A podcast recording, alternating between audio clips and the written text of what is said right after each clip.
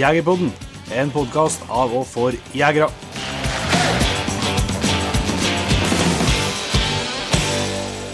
Hjertelig velkommen til en helt ny episode av Jegerpodden. Da er vi på litt forskjellige plasser, faktisk. Jeg er i svenske skoger, og du er i namdalske skoger. Ja.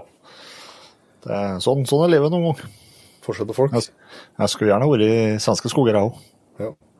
Det var det vel egentlig planen da vi kom tilbake til det. Men dagens episode er jo eh, Ja, det passer vel litt godt med tida vi er inne i da. Det er altså episode om eh, skogsfugljakt. Eh, mye av det, i hvert fall. Og det er med en Henrik Torp.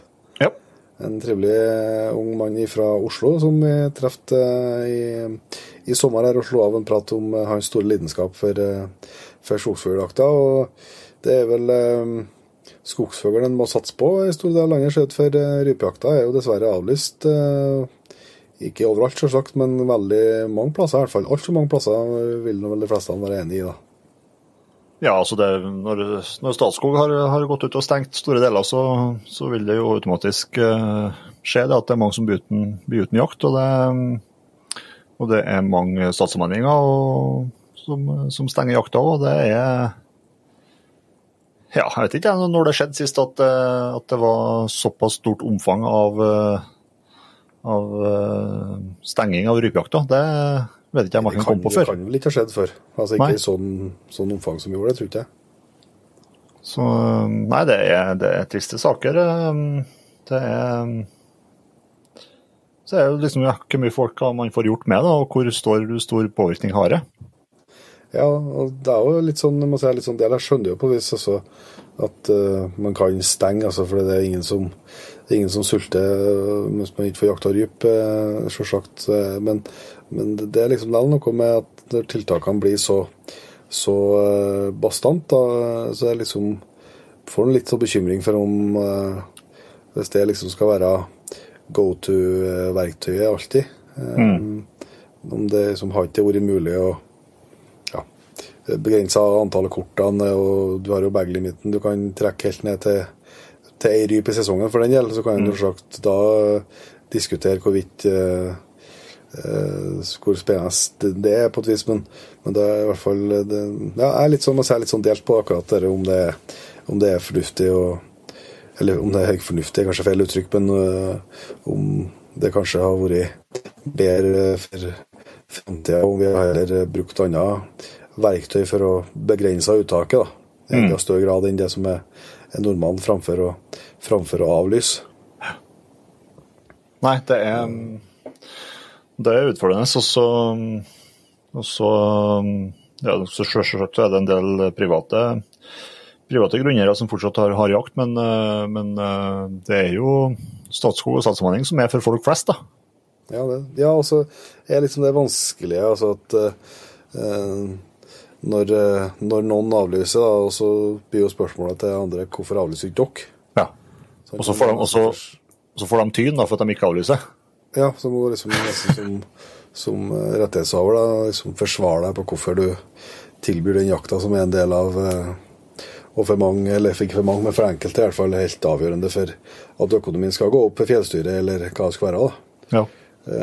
Så nei, det er en er noe litt uh, trist, det. Og så får en jo bare tro og håpe at, uh, i hvert fall sørover, da, at uh, skogsfuglen uh, at, det, at det har gått, gått, bedre for den, sånn at folk kan ha fine opplevelser i skogen istedenfor på, for på Frifjellet. Og så at det vil ta seg opp videre. Og at, og at noen plasser så vil det jo sikkert òg være bedre enn taksteringa har vist. da.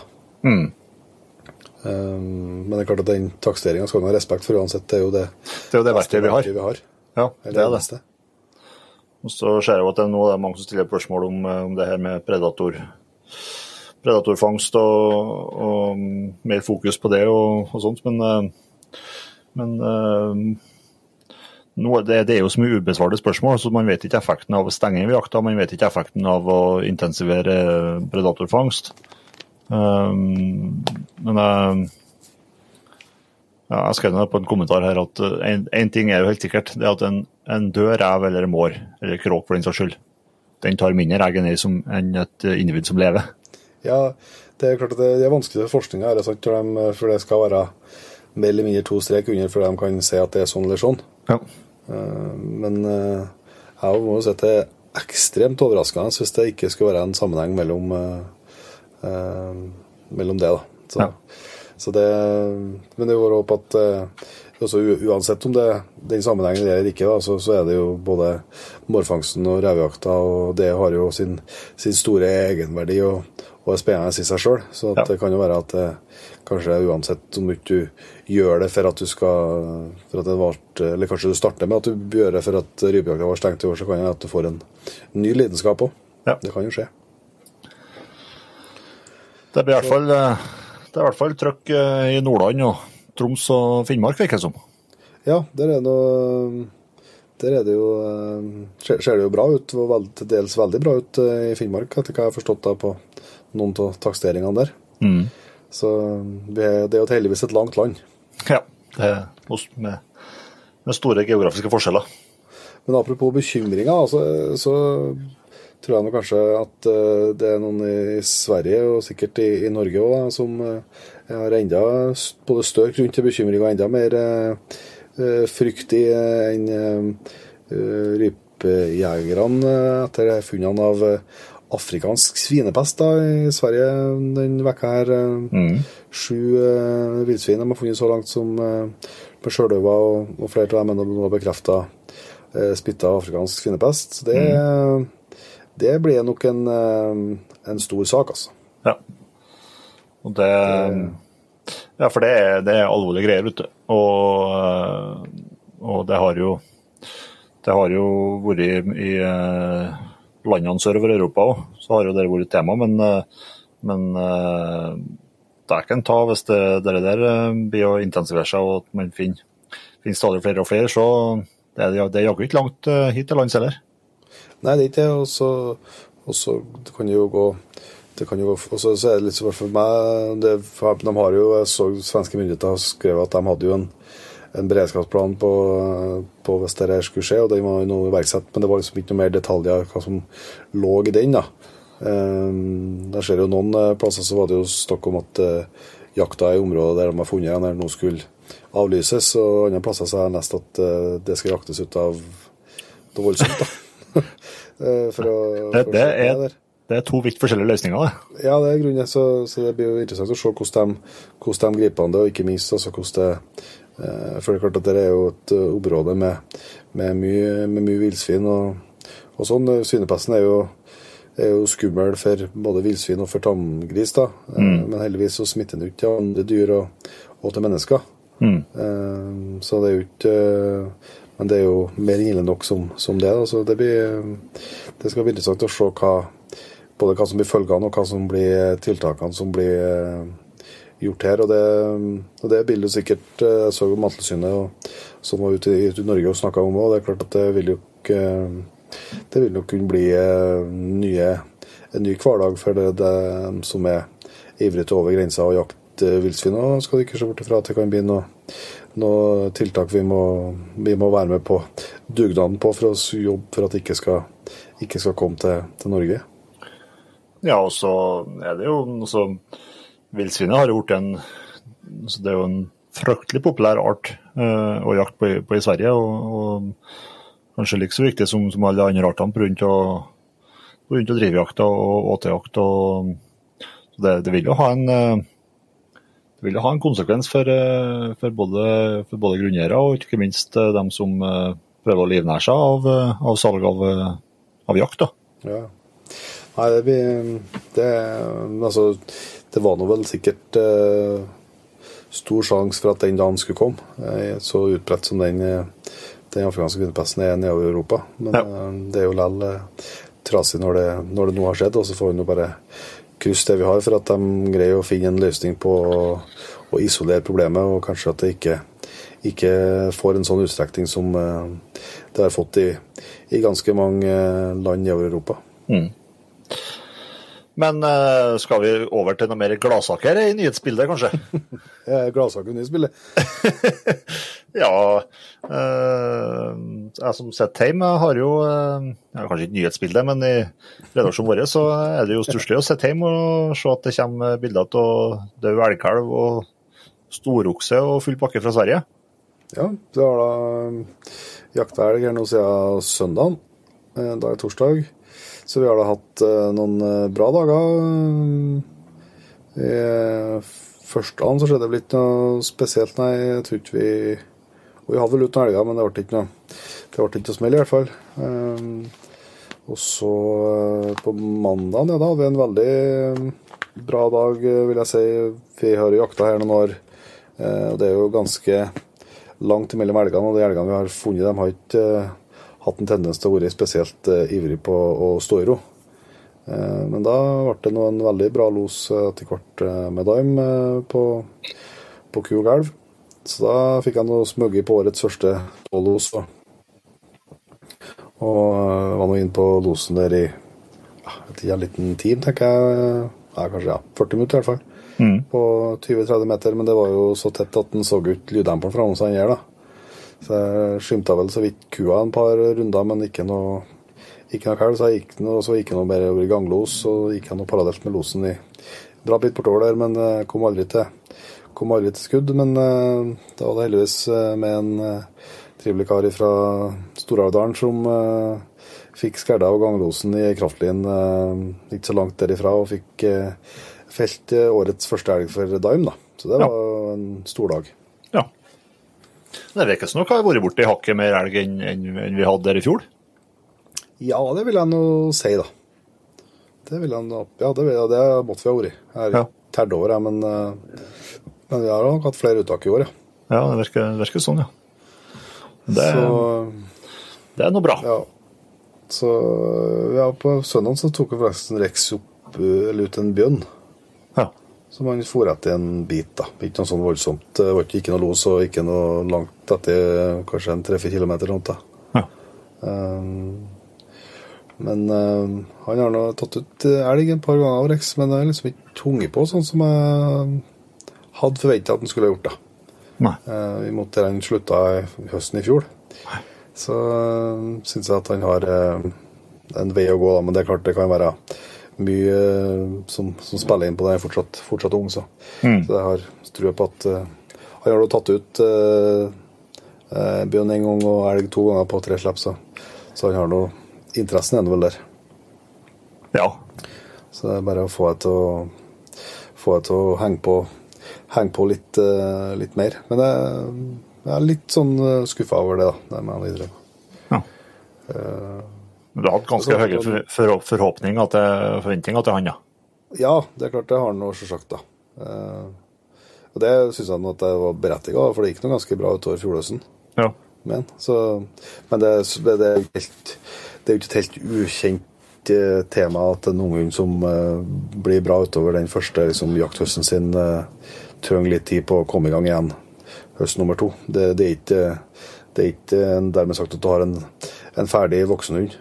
Nei, også er det jo faktisk eh, Det er nå borte 14 dager igjen til jakta starter i Norge ennå, så ja, det er noe. Det er det. de får, nå springe, og det er jo for min del i hvert fall denne vekka her er jo på et vis Jeg setter på spissen, det er jo litt hundetrening. Mm. Og da tenker jeg litt tenker på da spesielt utholdenhetstrening. At de får være mye løs og, og får mye kilometer i fotene, sånn at de er, mm. er klare til å springe i fjellet etterpå. Yep. Men så ble det jo en bra okse på samme Steffen i Sogndal. Han klinka til å skjøt en 13-tagger uh, uh, med bålet sitt dagen etterpå, så, så, jeg vet ikke Nesten det er fælt å, å fortelle om meg høyt, men jeg har også jakta elg i Sverige siden 2010. Med unntak av det ene koronaåret, så har jeg vært over hvert år. Og eh, jeg så ku og kalv som passerte kraftlin i 2010 på 300-400 meter. Og så så jeg et par elgfoter inni en kontorta en, eh, på en los i 2016. Og så så jeg den kua inne på stålosen nå. Det er den eneste skuddsjansen jeg har hatt. Men da visste jeg at det var en kalv mer, så det var ikke aktuelt å begynne å, å småskjøte noe på den. Eh, og så Det er nå det jeg har hatt. da, Så har jeg skutt i hjel en okse på et ettersøk. Det har jeg gjort. Så det vil si at uh, enten så har jeg jævlig uflaks, eller så er jeg, jeg er så ubrukelig som jeg sannsynligvis er. Eh, du var med førsteturen i fjor, og du skjøt en elg bare du var nesten ikke å komme hit før du var- fikk skutt en elg. og Nå er det en ny en som uh, har slått til med to på, på ei uke. Så det er noe, det er stabilt.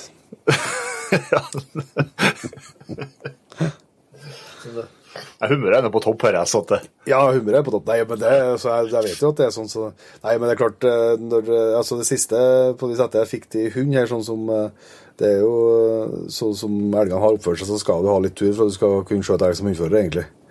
Men, eh, men de første årene satte han bare på post, da. Men jeg er ikke blant å sette på post her, da. Så Ja, men vi, vi har hatt Man, han sa, jeg prata jo med Steffen etter han skjøt denne 13-spiringen nå. Han, han sa jo sjøl at, eh, at eh, han, han sprang seg jo rett inn i dauen, for han, han satt jo og fyra bål. Og, og hunden hans eh, bare kom og han tok, Jeg vet ikke hvor langt unna han tok ut det, men han kom i hvert fall regelrett og sprang over tyrebålet hans og stilte seg på 40 meter og sto og skjøt meg på, i på han. Det virka nesten sånn. Så det, nei, det var kjempeartig, da. Og en fin, eh, fin okse med spennende og slaktakta på han. eh, Han så, så grov ut. Ja, ganske vaksig. Så det, det var Nei, altså, vi har hatt noe hatt bra hundearbeid og noe dårlig hundearbeid. Så jeg, jeg, måtte, jeg følte jeg hadde grøthunder i dag, i hvert fall. Eh, Daim har blitt veldig hissig på å finne et gammelt elgspor, så han seg fast. Da bærer seg- å gå det. av gårde. Ja, I går så tror jeg han spora ja, det måtte være en 8-9 km luftlinje, ikke. Ja. Uten å få opp en da jeg enten til slutt plukket en jaktlag, så slakta han andre hunder der, og, så da slo seg lag med dem, da. Så Ja. han bare dit og hente. Og i dag så for da noen gammel beitespor og snurra og snurra og snurra og snurra og snurra og prøvd. Så han har jo lyst til å finne elg, da. Det skal, ja. det skal ikke noen ta ifra han. Men, eh, men det må en gang gå an å begrense seg. Så, ja, men det er jo kjempetrivelig uke og veldig trivelige jegere vi er i lag med, så det, det har vært mye, mye skittprat og, og mye, mye artig. Så, så det er- en kjenner at høsten er i gang. Det er bra. Det er bra. Men apropos gode nyheter, da, i, eh, det er vel kanskje heller det er ikke på framsida på VG direkte der, da, men eh, det er jo at uh, Jegertoners halvvin Yes, har eh, blitt lansert denne veka her. det stemmer. Den er nå eh, eh, tilgjengelig på eh, bestillingsutvalget til polet. Og Svein har jo, Jeger har jo vært ute i avisa og skapt nye overskrifter. Jeg vet ikke om han har endt opp på BD-esken ennå, men det er jo sikkert bare et spørsmål om tid. Det tror jeg er et spørsmål om tid. For, at, for den artikkelen som endte på BD-esken, den syns jeg er forholdsvis mild i forhold til uttalelsene hans i, i nyhetssaken om, eh, om lansering av halvvin, for det var brutalt. Det er, det er, bare, det er bare Svein som kan si sånt vet du, offentlig uten at det blir eh, Å slappe slippe unna. at det blir ja, slipp unna. Ja.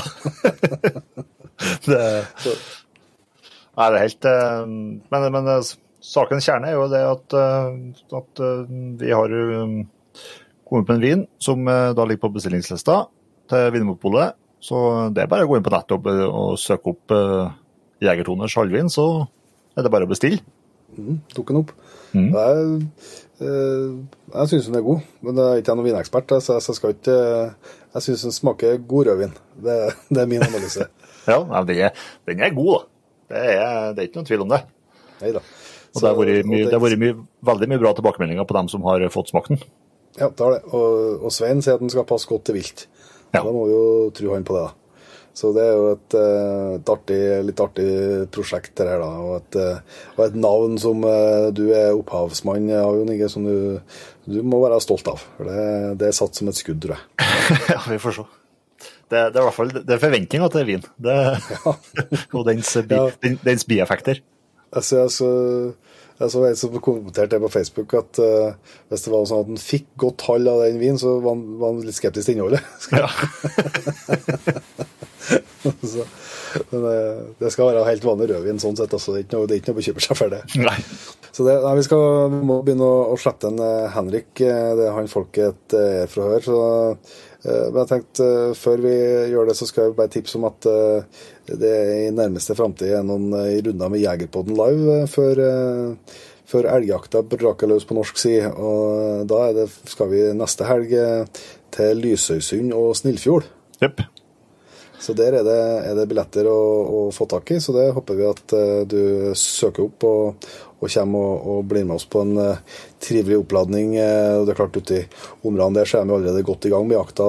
Der er jo, er jo mange ivrige hjortejegere, så der er jo folk allerede godt i gang. Men da kan vi ta det som et et slags nachspiel på dagens jakt, eller forspill til morgendagens jakt. Det kan jo være alle muligheter for, for begge deler. Så jeg håper vi treffer litt eh, folk der. Og så skal vi nå på hjemmebane og gjøre et siste liveshow før, før, jakten, men der er det vel utsolgt. Så da um, ble den for sen, den som ikke hadde fått i billett der, da. Men det blir vel flere muligheter kanskje senere òg. Det blir det. Men det er altså da 16.9. på Lysøysund og 17. i Snillfjorden. Og billetter finner du på Hupla. Jepp. Så det er bare å inn og, inn og kjøpe, som man sier. Jepp. Men da tror jeg vi, vi bare setter over til en eh, Henrik. Ja. Det gjør vi. Da har vi gleden av å ønske Henrik Torp hjertelig velkommen til Jegerpodden. Tusen takk. Eh, hvordan kjennes det? Nei, det går greit. Kribler litt. ja, ja. Vi har, den, vi har den effekten folk vet, at det begynner å krible litt. Nei, vi må si takk for at vi fikk eh, komme på besøk på, på i Rælingen. Jo. Er på eller er i Rælingen? Ja, det blir vel i. Ja. tror jeg. Ja, det er for meg. jeg er ikke født her sjøl, så det er ikke jeg som bestemmer. Nei. Du, vi skal snakke om jakt, selvsagt, og fuglehund og en del skogsfugljakt, tror jeg det blir. Men før vi går dit, Henrik, eh, for dem som ikke, ikke vet hvem du er, kan du si noen ord om deg sjøl? Jo, 30 år, fra født og oppvokst i Oslo. Mm -hmm. eh, og det er ikke min skyld. Nei, vi dømmer ingen. Nei, eh, ja Jobber som tømrer i Ellingsen Byggservice. Okay. Så ja, ellers så er det egentlig bare skogsfugljakt og fuglehund man uh, tenker på og det går i. Mm. Mm. Hvordan starta, som når du vokste opp i Oslo, hvordan starta jaktkarrieren da? Nei, altså alltid, Familien har jo alltid vært friluftsinteressert. da. Ja. Så, så faren min har jo jakta før jeg ble født, mm. men han har liksom ikke vært Jeg visste egentlig ikke hva jakt var holdt på å si, før jeg var en seks-sju ja, år, tror jeg. Mhm. Så jeg begynte vel egentlig med at vi ja, hadde vært på hytta til bestemor da, på både vinterferie og påskeferie, det som var da, så var det vel en vinterferie som jeg alltid så onkelen min eh, dro ut og trente hund da, fra, mens vi var på skitur og sånn. Og, og, så lurte jeg liksom fælt på hva han drev med. Da. Så var det en dag jeg da blei med han, Ja. og plutselig så letta det jo noen fugler foran disse bikkjene, og da tok det egentlig helt av for meg. Og etter det så har jeg vært besatt. Og, da, og da var du gammel? Eh, Seks-sju år, tror jeg. Mm. Det var det som skulle til? Ja. Så, da, så etter det så har jeg jo holdt på å si fått eh, ja, Hver gang de hadde fått jakt og fiske og villmarksliv og sånn, så fikk jeg jo blader og titta fælt og ja, Leste ikke så mye, men titta på bilder og drømte seg litt bort. Og hadde jo sikkert 1000 spørsmål, som folk kanskje vil kalle dumme spørsmål, men, eh, men eh, nei. Det var eh, tok helt av, egentlig. Så det var jo når jeg da var sju år, da, så ja, tenkte jeg jo hvor ja, ja, Når jeg kunne starte jakta, fikk jeg høre at jeg måtte være 14 år, og da tenkte jeg må leve like lenge som det jeg Gjort det nå, ja. gjort det nå, ikke sant? Så det føltes som en evighet. Men eh, det føles ikke som lenge siden jeg var 14 år akkurat nå. Da. Nei, nei, det, det, flydd, det. det er pussig hvordan de perspektivene der endrer seg etter hvert. Ja. Mm. Da ble det jegerprøve og, øh, på, sånt, øh, på til onkelen din, eller? Ja, eh, han drev ikke som jegerprøveinstruktør da. Han hjalp mye på når de hadde skyting, da, på eh, dem som han eh, driver dette med nå. Ja. De har jo holdt på i veldig mange år. Så det, han har jo hjelpa dem veldig mye, da, så da fikk jeg det som en gave. Det var faktisk 6. desember 2006, da tok jeg eksamen. Ja. Da var jo jakta over, holdt jeg på å si, sånn sett det året, da. Så da var det å vente helt ett år til, om bortimot. Ja. Så første jaktturen, da var vi jo med faren min oppå Øyrefjellet, jakta støkk. Og da var det jo kronår. Så det hjalp jo ganske godt på, det òg. Ja. Når jeg hørte eh, letta, letta Jeg tror jeg skjøt i hvert fall bort et uh, patronbelte første dagen, minst. Og fikk ikke noe felling. Faren min skjøt faktisk sin første skogsfugl da. Ja. Han har liksom aldri vært den mest ivrige jegeren. Nei. Men har liksom vært rypejakt for, så, for det meste for han. Så da skjøt han en orrhane ganske tidlig, og så skjøt han ei rype litt utpå. Jeg skadeskjøt ei rype som vi ikke fant igjen. Eh, Men det så vi dagen etterpå, for da kom vi på samme område, og da var det masse fjær i det området. Ja. Eh, ja, det var dag nummer to, og kommer ned til eh, bilen og egentlig ferdig for dagen. Da titta jeg på en sånn eh, ja, en svær kolle, egentlig. Og så jeg det dro ut en orrhane derfra. Ja. Det var ca. 60-70 meter unna. Ja. Og da tenkte faren min at da skal vi gi det en sjanse før vi turer ned mot hytta igjen. Og da går han på den ene sida, skal jeg poste det opp på andre sida. Og får selvfølgelig beskjed om å skyte opp imot horisont. Ja. Og når han gjør dette, da, så drar det tre orraner som kommer i formasjon rett over huet med. Banker på den første, den ser jeg detter ned. Tenkte jeg skal kanskje ta en double, da. Og bommer jo selvfølgelig.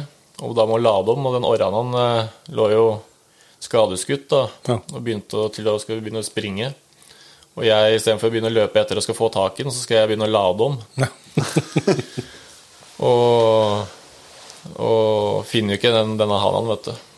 Og tanta mi, som da var sammen med Olli, sånn som vi er hos nå eh, Hun var jo nede på hytta med bikkjene og var egentlig på vei oppover når vi ringte. Så da fikk vi brukt En ene bikkja, som var veldig god opporter, til å finne den enda. Så jeg hørte da ca. 70 meter unna, da, for hun spora opp dette med en gang. Og hørte det flaffa noen vinger borti der, og da, da var da Dan redda. Ja. Det er ikke det verst å debutere med, med orrane. Nei, det var dritkult. Det, det er noe jeg aldri kommer til å glemme. Ja, det skjønner jeg. Ja, så fikk noe, det fikk jeg noe bevist at det, det er kjekt med hund òg. Ja, veldig. Så ja, det har jo som sagt vært oppvokst med Bretton, kan du si, da. På, fra onkelen og tanta mi. Så det har jo gått i ett. Altså, jeg har jo vært veldig heldig og kommet inn i, i ja, veldig ivrige folk, da, som både med fuglehunder og jakt. Ja, for det, Du snakka litt om det tidligere her òg, at uh, du har liksom uh, han onkelen din ja, og Vi sitter jo på lokalene hans nå på, på, uh, på Rakkerhallen kennel. Ole Jonny. Eh, så det er han du liksom har videre nå. og Det er han som har dressert deg. Ja, du kan jo egentlig si det.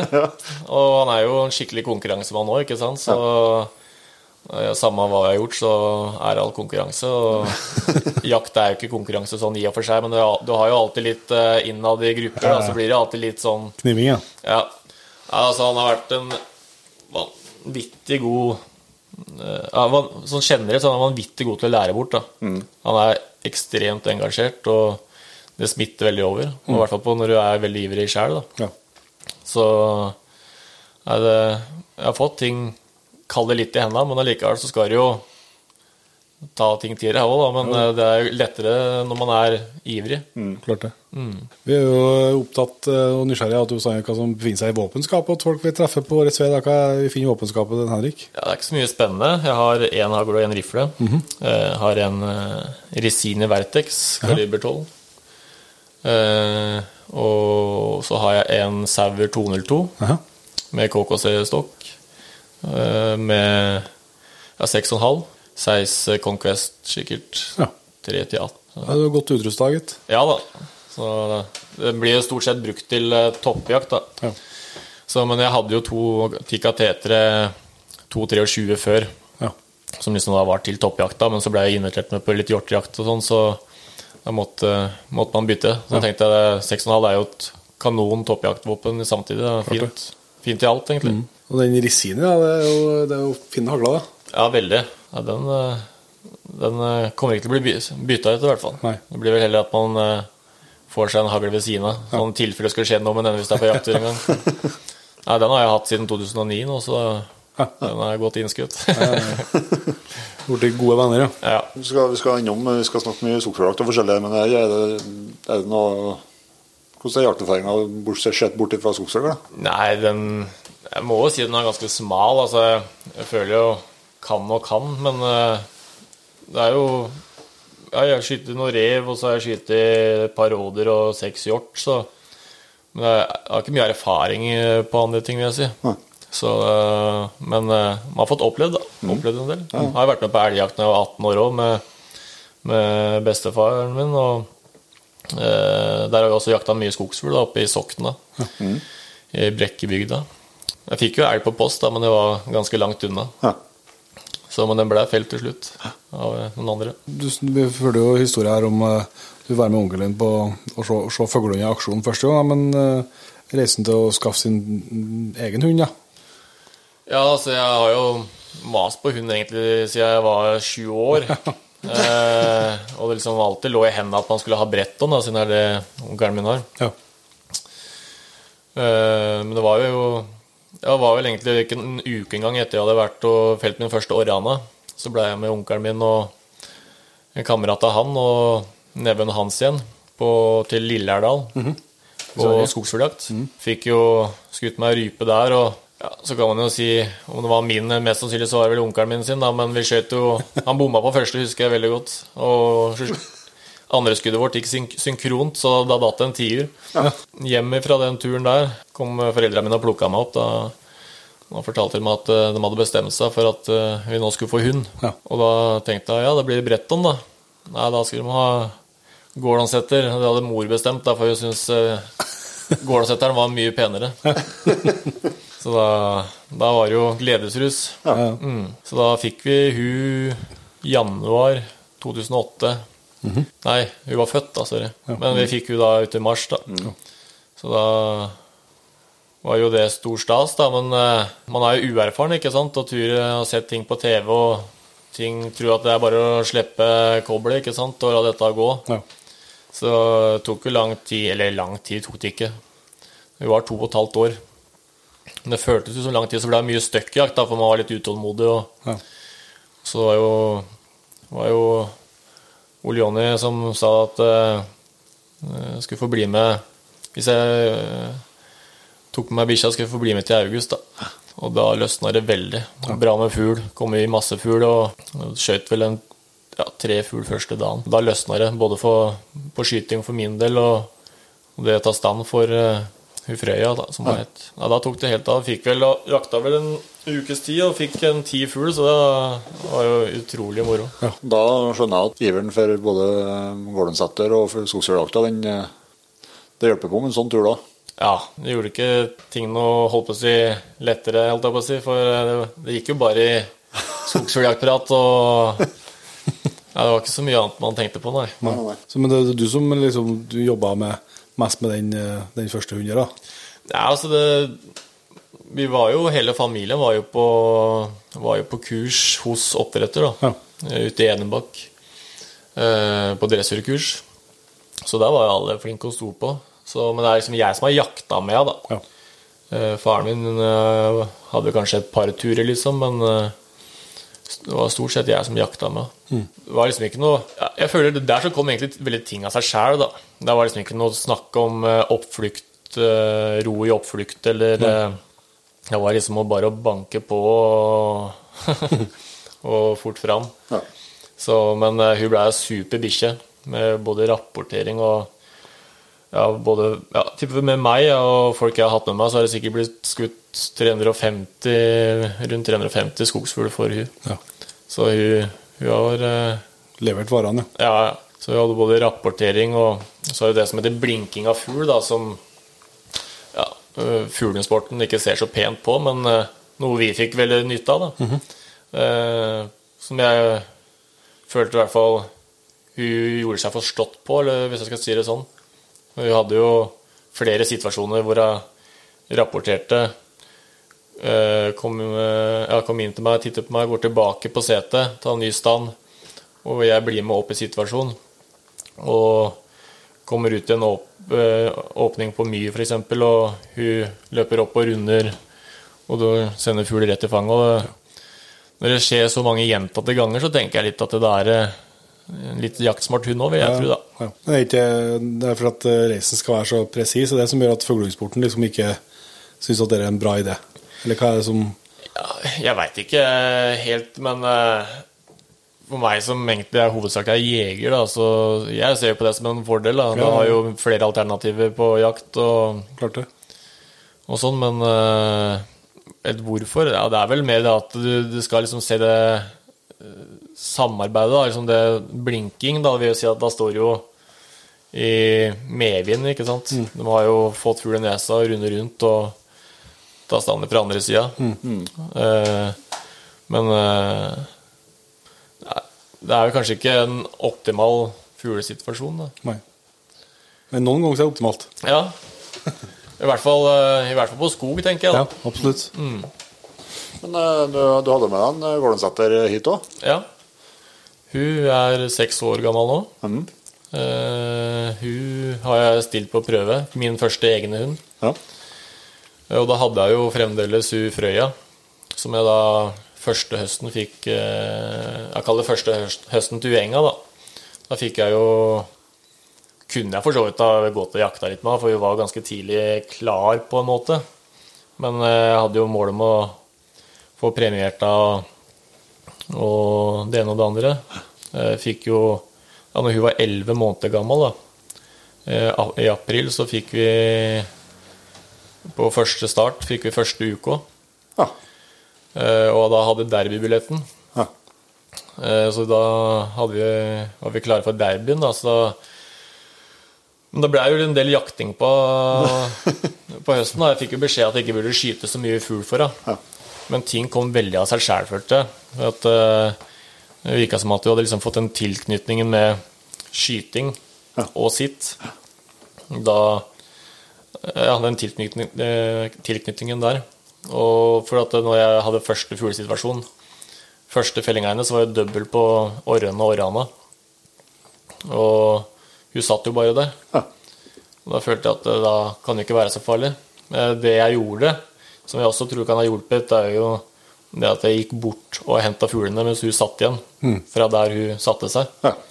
Gikk bort, plukka opp fuglen, og da fikk hun belønninga når jeg kom tilbake igjen. ja. Men når, mens hun, at hun satt i ro der, så kom du med fuglen til henne? Ja. Ja. Og det gjorde jeg hele den sesongen der. Eh, Jeg skal ikke si hvor mye fugl jeg skjøt, men det var ganske bra med fugl for henne den aller første høsten. Ja. Til og med seks tierfellinger, så det er ganske bra på en hund, syns jeg, da, når det er Ja, ja, ja. Et, et og et halvt år. Så nei, hun, eh, hun tok, ja, tok det ganske fort, syns jeg. Mm. Og ja, var jo med i derbyen, og der eh, holdt det med første, første dagen, da. Mm. Så hun hadde Gikk til, gikk til førstepremie sånn søksmessig og sånn, men uh, fikk jo minus da med sjanse på fugl Ja.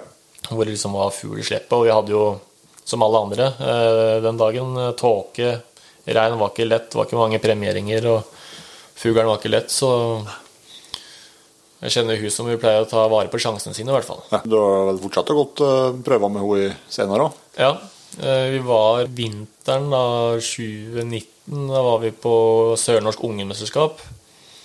Eh, Der kom vi til finalen. Eh, Og etter det så var vi Men ikke noe mer. Vi fikk ikke noe premie. Men eh, så var vi på eh, oppe i, i Femund. Gikk prøve der. Da fikk vi Gikk to dager. Fikk første uka og andre uka. Og så tok det vel egentlig ganske lang tid før jeg stilte Nei, det gjorde det heller ikke. Vi var faktisk på jakt høsten 2019. Det var vi. Og da var jeg i høstferien på jakt oppe i terrenget mitt i Sverige. Og da var det midt i verste lauvfallet. Ja. Fikk jeg rype aller første dagen. Ellers så letta kom ikke innpå, hadde ikke fått løsna et skudd etter det. Ja. Da endte med at jeg bestemte meg for at eh, jeg tura hjemover, og så meldte jeg meg bare på en AK Vår første AK-prøve. Ja. På Mjøsprøven. eh, Lavlandsprøve. Og stilte opp der på en fredag, og vi fikk i vårt første slipp, så fikk vi en situasjon. og hun tar stand, reiser djervt, og jeg glemmer å skyte. Så det ble ikke Hun fikk jo, fikk jo go, typ godkjent fuglearbeid, da, men det ble ikke godkjent. Da måtte jeg ha akkurat det samme for å få en førstepremie, da. Mm, For jeg må jo skyte, så da måtte jeg vise akkurat det samme på nytt igjen. Ja. Og da fikk vi faktisk det på andre slippet. Ja. Hadde jeg sett øh, en fasan i forrige slippet som hadde satt seg ned borti stuekanten på andre sida av jordet, Ja. og sendte bikkja bort dit og tok stand og reiste djervt inn i noe tett skjær. Og da var, ikke, da var jeg ikke lett på Eller da var jeg lett på avtrekkeren. Ja, der smalt det. Så da fikk vi første AK. Og da, etter det, tok det en ganske god stund før vi stilte på prøve igjen. Det var faktisk nå i høst. Ja. Så, men vi har ikke fått noe premie etter det. Men det er liksom jakta for min del som teller veldig mye, da. Men har jo sett noe filmklipp og greier der jeg ser at uh, ro, i, ro i skuddet, det, det har han opprettholdt. Ja da, selvfølgelig sånn når vi, Det koker jo over til henne til slutt også. Eh, men eh, jeg har valgt liksom det å ikke si noe til henne i det hele tatt, egentlig. Jeg egentlig. Hvis jeg velger å løpe etter, så løper jeg ikke langt etter. Jeg løper egentlig bare bort på setet. Da lar jeg få gjøre av det. For at eh, hun har vært, vært eh, veldig godt dressert, og som jeg nevnte tidligere, da, at eh, brukte, hadde mye situasjoner rundt her da, på rappens og sånn, når det var lov. Da var det liksom så gøy for meg, første bikkja, og ting klaffa allerede da jeg var veldig ung, ikke sant, og du hadde reis, ro, reis, ro på alle situasjonene. Så det ble liksom, kall det typ, brukt opp litt, da. Ja. Så, men uh, man har jo lært mye så, til neste gang. Uh, så nei da. Det var, uh, det har blitt en veldig god bikkje, i hvert fall. Men hva, den første hunden og Frøya her, da, hva, hva liksom skiller det du gjorde før du kom til skogen, da, fra den første til andre hund? Hva så gjorde du noe Nei, det er vel det at du, du har jo holdt på å si Selv så har du fått skutt fra deg litt, da. Ja. Og så har jeg, hadde jeg satt meg mål eh, med hun Ja, nå. Da skulle jeg stille på prøve. Tok ting mer med ro. Selv om man var jo litt overivrig når du hadde situasjoner med unge da Syntes det var gøy, men man lærer jo noe hele tida. Ja. Jeg, jeg har jo for så vidt Det du har gjort annerledes, er jo kanskje dressuren, da.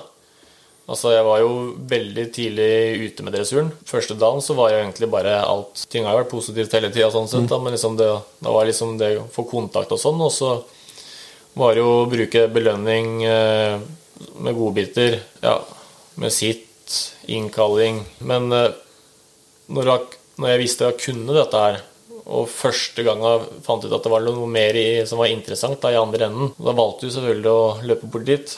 Og det tror jeg også har hjulpet meg og henne veldig på det at jeg fikk tatt den situasjonen der. For etter det så har jeg ikke turt å eh, liksom eh, ja, løpe fra meg, da. Nei.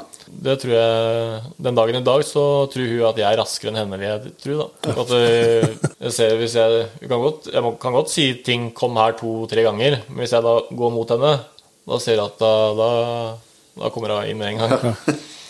Men eh, nei da, det er sjelden jeg trenger å si ting mange ganger til henne, altså. Det har blitt, blitt veldig, veldig bra. Ja.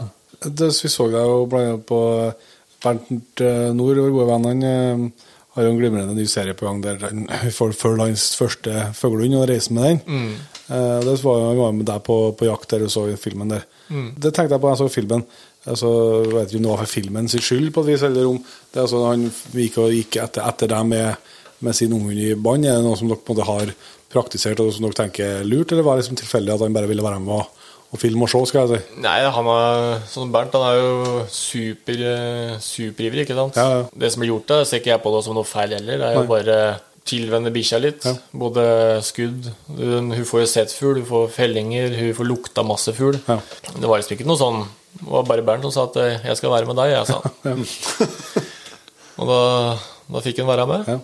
Og det tror jeg også har på en måte hjulpet videre der, for at eh, han var med meg en og en halv dag da, før han måtte på denne bryllups, bryllupet til sjefen sin. Jeg vet ikke hvor mange situasjoner det var mange.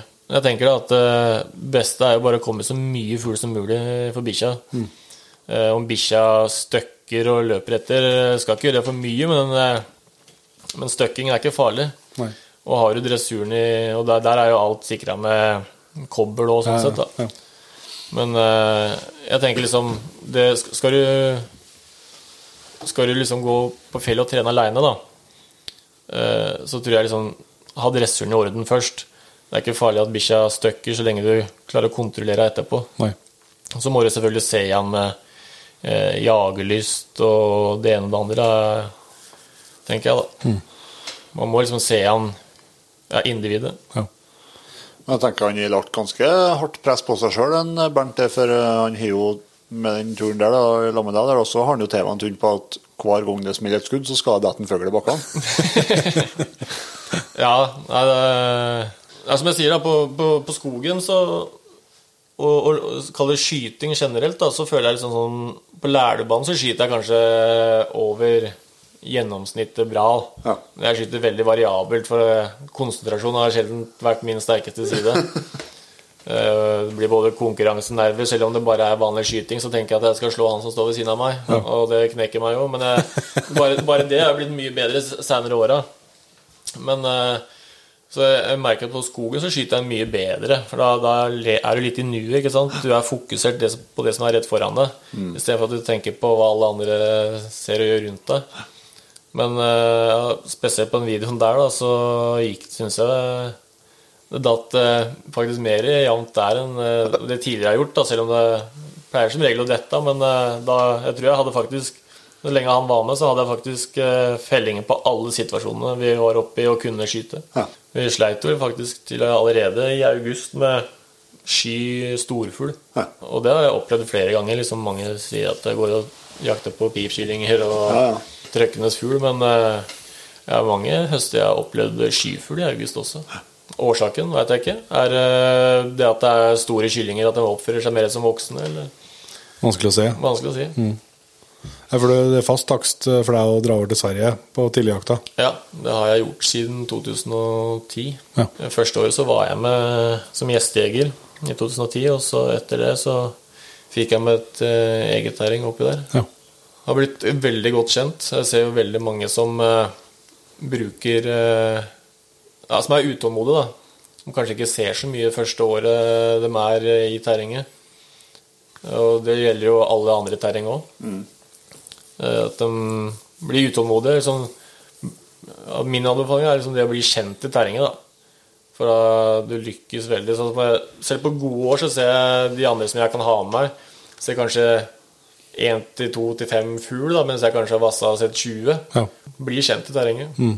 Ja, altså, det er jo ofte relevant altså, når du skal finne nye fugleterreng. Altså, det er jo varierende på område til område, men til dels veldig store forskjeller fra kjempegode år til, til dårlige år. Og så er det jo ofte sånn at uh, du får høre om det at det var et sånt, at det var bra en fugl der i fjor.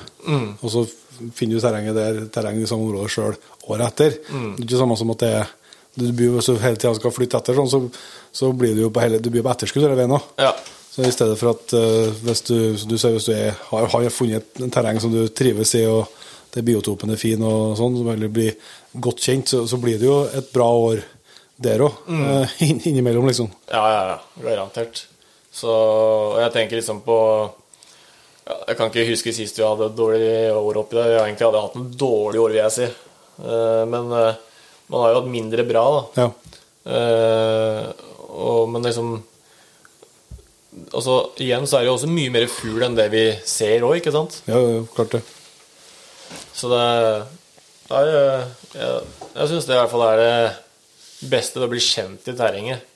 Og, men det er alltid gøy å prøve nye terreng, selvfølgelig. Men du har liksom ett sted hvor du kan lære deg å bli kjent. Så kan du liksom ha noen andre steder du kan Forske litt på det. Ja. Mm. Jeg tror jeg, det tror jeg er fornuftig. Fall, altså. Men det er jo klart, det er jo folk veldig forskjellige. Jeg er jo sånn som syns det er utrolig artig å ha komme tilbake til samme plassen år etter år og liksom se hvordan det ser ut i år, og du drømmer om den, den plassen og, og komme seg dit igjen, liksom. Så det er jo noe glede i det òg. Ja, ja, veldig.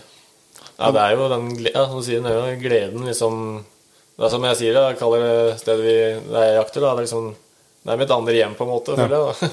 da. Ja, er Der, der har du jakta hele, hele høsten, så du, du fer jevnt og trutt på tur, tur over dit, eller?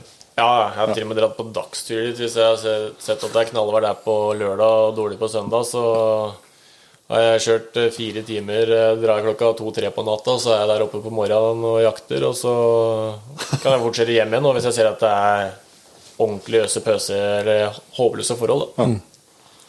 Nei, så, men vi har jo, har jo hytte på jeg, jeg og noen andre kamerater har hytte på Årmål oppi der òg, da. Ja. Det er liksom, kan man legge igjen litt ting der òg. Ja, ja. Det er snau, det. Mm. Du jakter noen plass rundt i, i noe fast i Norge, eller? Jeg jakter litt i Finnskogen, Ja. det gjør jeg. Så blitt veldig godt kjent der òg. Det er et sted onkelen min har jakta i mange år før. Så etter koronaen og sånn kom, så begynte vi å jakte veldig mye der. Ja. For det var ikke bestandig var så lett å komme seg over grensa en periode. Og redd er litt i ja, det lille håret jeg har på huet, så Nei, så Men det har blitt veldig godt kjent der. Så det er jo veldig kort vei, da. Ja. Bruker bare et par timer, så er du der. Er der? Har det vært mye liksom, den duegreia? Det er noe som noen er veldig positivt, og noen er ikke like positivt. til. Har du brukt det aktivt på, liksom, i, i treninga dine, eller? Ja, brukte, brukte en del, det vil jeg si. Mm. Jeg husker ja, fra omtrent første dagen jeg fikk bikkja, så satt vi bare på terrassen og observerte både jeg og bikkja. Ja. Og da fikk jeg jo fulgt med på disse dunene som flaksa rundt omkring, og hun satt jo bare ved siden av meg. Ja. Men eh, da satt vi bare på sidelinja og så på litt sånn, og vi var ikke med på selve treninga. Men jeg tror liksom bare det å sitte og observere sikkert kan hjelpe. Men, eh, men ja, duetrening har brukt, brukt, brukt det en del, da. Ja. Og jeg er veldig positiv til det i, i, i riktig mengde og riktig bruk. Ja. Mm. det, jeg tenker du sånn eh, at, eh, altså, at eh, ikke, ikke overdriv det med Altså ikke hold på, hold på, hold på, færre hold på, liksom. Altså, ja, ja, ja, altså, det, altså ikke, ikke ta Sånn som Det er ikke vits å trene, trene på stand, eksempel, da. Men eh, sånn det, det å bruke det på, på ro på hund, da. Ja. så tenker jeg det som er mest hensiktsmessig. hensiktsmessig, da. Så det er liksom det jeg, det jeg har brukt det til. Ja. Så den sånn belønningsbasert trening, Ja. og som uh, onkelen min bruker her, eh, det at jeg ser bare på ferske hunder som aldri har vært på duetrening før, som kanskje selv med dårlig dressur, der og da kan man bare lære det med hvor han viser, eh, viser fram dua. Eh, når bikkja setter seg, kommer bikkja, spretter bikkja opp igjen, eh, gjemmer han dua. Og så det, det, akkurat idet han tar fram dua igjen, og så sier han 'sitt' rett før det. Hvis bikkja sitter, da får han se dua. Så hver, hver gang han sitter, så får han oppnå en due, kan du si. da. Ja. Da, da holder han bare i dua som han bare gjemmer bak ryggen når hun ikke, når hun ikke lyster. Ja. Ja. Eh, og det er liksom samme uh, måte som jeg nevnte på i stad, liksom, da med hvor bikkja mi De fugla jeg skjøt for min hund, da. At det liksom hun fikk sitte igjen. Ja. Eh, og, og fikk belønning da for å ha sittet, da, for å liksom lukte på fuglen og ja, her, kalle herre litt med den, eller Mm. Ja, ja. hva vil. Det der rappønsgreiene, da, det er jo det er vel ikke lov lenger nå, men det var, det var han eh, drev, drev med rapphøns og onkelen din her, da. Ja, hadde veldig mye rappens her. Ja. Og rundt overalt her så hadde uh, Ja, type på mestet så var det sikkert en 100 rappen som man slapp ut eh, til slutt. Ja, til den dagen du For det var, jeg husker ikke hvilken dato det var, om det var 31. august eller 31. sept- Jeg tror det var 31. august eller noe sånt, ja, som du måtte ha sluppet ut all fuglen din, da, eller i hvert fall den du skulle slippe. Ja, det var jo veldig bra med, med fasan Nei, ikke fasan, men rappensar. Så da har han til og med hatt eh, sånne hundegrupper da, som du ser eh, Sånn kursbevis da, for å bli dommer og Ja. sånne type ting. da. Ja. Så nei, det har vært uh, lærerikt, det òg. Og det med rappen så er jo en hønsefugl, ikke sant, så den er, blir jo mer tilnærma en rype og skogsfugl enn en due. Ja. For du har jo det å gå fra due til rappen, så kan jo være stor forskjell, ikke sant? På det, om bikkja di er rolig på due, så vil ikke det si at den er rolig på rappens eller rype. Nei. Så du må jo jeg, Derfor tror jeg også at due kan være fint. da, liksom Det å ta ting i kanskje, grader. da. kanskje ikke, ikke like stor provokasjon liksom, for, for Nei, jeg tror du bråker litt mer ikke sant? hvis det er rype eller en orrfugl lettere. ikke sant? Mm. Det har vært en stor sak, dette rappønsgreiene, men hva, har du liksom satt deg inn i den saken? Hva var det som gjorde at, dere, at det var slutt på det? Det fungerte jo ganske bra, etter hva jeg har forstått, men Ja, det er, Det er vel noen som har eh, lagd helvete bare for å lage et helvete, tror jeg. Ja. Jeg har ikke satt meg sånn super inn i det, så jeg er sikkert bedre å prate med noen andre, men, men eh, per dags dato så er det i hvert fall ikke lov å sette ut fugl, da. Nei. Du har jo lov til å Det er jo noen, kaller det ville eh, fasaner og rapens her og der, hvor de har overlevd, da. Ja. Så de har jo har jo noen steder hvor de har trening ennå. Sånn, og tre, både trening og i hvert fall prøver. da Ja. Sånn som nede i Østfold eller Vestfold. eh, nede der. Nå vet jeg det er jo mer, da. Der er jo mindre snø og mer levevilkår for dem. Ja, det, er det liksom godkjent på, på lavlandsprøve med Roppens, eller? Ja, du Kan, eh, kan gå lavlandsprøve. Ja. Men uh, hvis det liksom ikke blir Kall det lovlig å kunne sette ut noe mer igjen, da, Ja, ja, så, da- vil, så vil den jo dø ut. Ja, ja. Så, men da kan du jo bare dra over grensa, da. ja, Sånn som onkelen min har jo mye føring på lavland i Sverige, f.eks. ja. Så nede mot eh, Stockholm et eller annet sted. Der er det jo masse Der er det jo enorme mengder. Jeg tror jeg har hatt opp eh, 1500 lavlandsfugler på en dag, liksom. Ja. Så det er helt vanvittige mengder.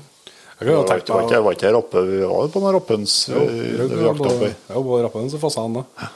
Men eh, Men faen så kjapt det er Rappensen. Ja, utrolig. Den var, ja. jeg husker, det var ikke enkle skudd, nei. Nei, nei. Det går veldig fort der òg. Ja. Der kan jeg tenke på å være prøvd sånn uh, lavlandsjakt. Sånn med, med, med fuglehund. Ja. ja. ja. Det ser jo jævlig artig ut. Mm. Så ser jeg veldig mye av det nedover i Sør-Europa. Altså. Ja. Sånn. Jeg har sett på YouTube. da. Ja, jeg har bare sett på film, det ser ganske stilig ut. Mm. Fasan han trykker jo forholdsvis bra.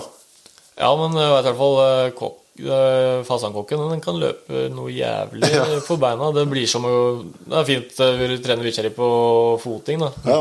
Eller Ja, en behandle, ja, behandle fugl på den måten, liksom. Så, så er jo det en veldig fin uh, måte å kanskje starte Ja, ja. på. Hvis jeg spør deg om det er kanskje ikke så enkelt å svare på, men uh, du har jo jakta litt uh, forskjellig med ryp og, og sånn, men hva, hva er det som har gjort at det liksom har blitt skogsfugljakta, tror du, som er, har blitt din greie?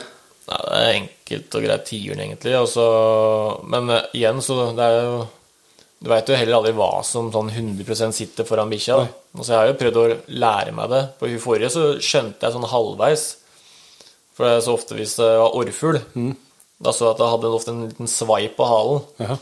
Mens hvis det var rype eller storfugl, da var det mer likt og litt mer vanskelig å lese. Men da måtte du lese biotopen, da, kanskje eventuelt noe foting eller Men uh, det er jo mer det at du ikke veit hva som er foran bikkja. Ja. Og så er jo tigeren da, som er uh, Det store målet. store målet. Ja, det er det er det som går igjen når vi prater om skogsfugler. Jeg kjenner meg igjen i det sjøl. Altså, den fascinasjonen- altså, du er jo på skogsfugljakt, så jakter jo alle skogsfuglene, men, men det er jo liksom den fascinasjonen for tiuren liksom, som er, blir så stor. Ja.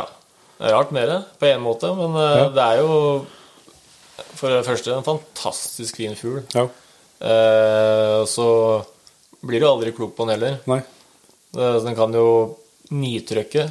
Plutselig så kan den lette på 200 meter. Mm. Det kan jo for så vidt all skogsfugl jo. gjøre, men Ja, så kan det, skje- de, endringene kan skje så fort og på et ja. Så det kan liksom. jo gå fra time, fra time eller fra tiger til tiger. Ja, ja. Liksom du du veit aldri. Nei, så er det jo så, så, noe selvsagt med at det er den største og, og sånn. Og, altså, men det, for meg virker det virker jo litt sånn at eh, Det kan jo se med en stor elgokse, de er jo ofte vanskeligere å få tak på. En- altså, ikke bare for at det er mindre av dem i totalen, men altså, de kan gjøre en del ting som, som eh, typisk ikke en yngre elg gjør. Da. Og det er jo litt samme inntrykket med tiuren. Altså, at eh, det store, gamle eh, grå eh, de gjør, altså de, de, de er jo smart, liksom. Og, blir- og blir smartere og smartere og vanskeligere og vanskeligere. Ja. Så at det, liksom, det, er jo, det er jo sikkert sånn er det jo sikkert med ryper og, og, og alle fuglearter der på til en viss grad. Liksom, det er tydeligere å se forskjellen på, en, eh, på altså at, det er en stor tiur det har med å gjøre. Mm. Ja, helt klart. Så ja, men, ja, men eh, igjen så har jeg hatt eh, lange situasjoner både på rypekull og orrfuglkull, liksom. Så det, det som også er litt spennende, at du, ja, som sagt, du veit aldri hva som er foran bikkja sånn 100 Nei.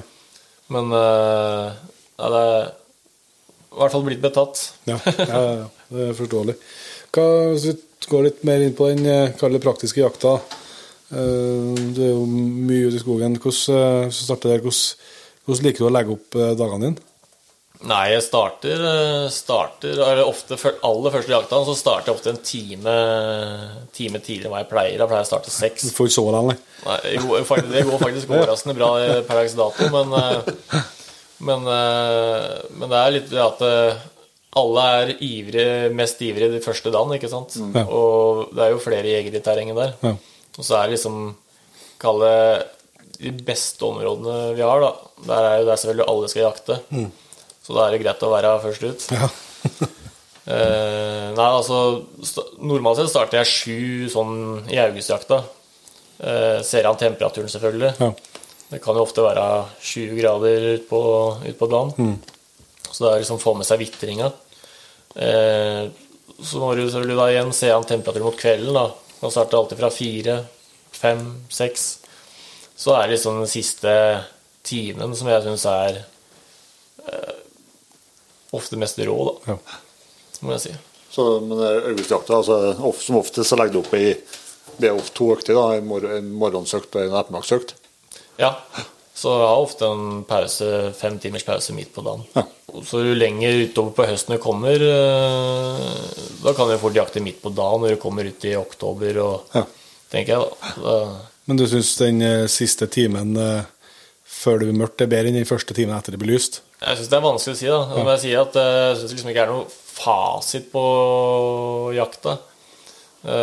Men jeg syns den første timen på morgenen synes jeg har, har sine magiske øyeblikk. da. Ja. Liksom det å stå og våkne opp med naturen, og så har du eh, kvelden igjen, så så har den sin sjarm, da. Ja. Og, men jeg syns liksom den der siste timen, halvannen, syns jeg ofte det er et eller annet som skjer. Ja.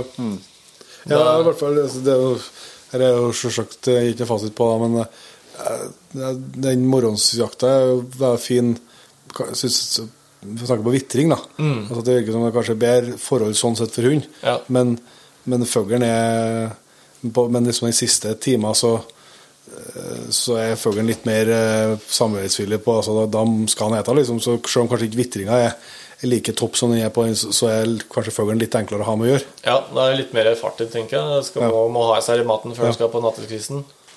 Så jeg tror liksom det er eh, Ja, det som du, sier- som du sier, da, at liksom skal, må ha i seg siste næringa før du skal gå og sove og våkne opp dagen etterpå. Ja. Så Nei, det Så er jo noe sånn svart eh, tiurskygge mot liksom eh, sånn eh, Horisonten. Yes, mot himmelen som holder på å- bli mørk. Det er jo helt eh, Det er jo magisk, altså. Ja, ja. Nei, jeg har hatt eh, Holdt på å si Hvor jeg kunne hatt skytelys mot himmelen Ja. og ikke sett en drit imot bakken. Og jeg har fått, jeg har fått et par fellinger også, så det, eh, det er jo innmari moro. Jeg hadde en nå i høst som eh, som eh, Vi hadde faktisk sett litt dårlig fugl, dårlig med fugl. Det Et som bruker å være ganske brukbart. Og kom egentlig ut på veien igjen og tenkte da får bare tusle ned til bilen. Og selvfølgelig begynte bikkja å ta stand på stand nedover der da, hørte letta fugl inni skauen. Og innimellom så skjedde det ikke noe. Så var jeg vel egentlig ned mot et kryss hvor jeg da bare hadde 80 meter igjen opp til bilen. Eh, tok bikkja stand da, liksom innover mot bilen der, mot en sånn høyspent eh, gate som går oppover. Og avanserer gjennom skogen. Kommer ut mot høy, uh, høyspentgata. Og da letta det ei røy da, som kom opp imot uh, horisont. Og fikk merka tror jeg landa bare 20 meter ifra bilen.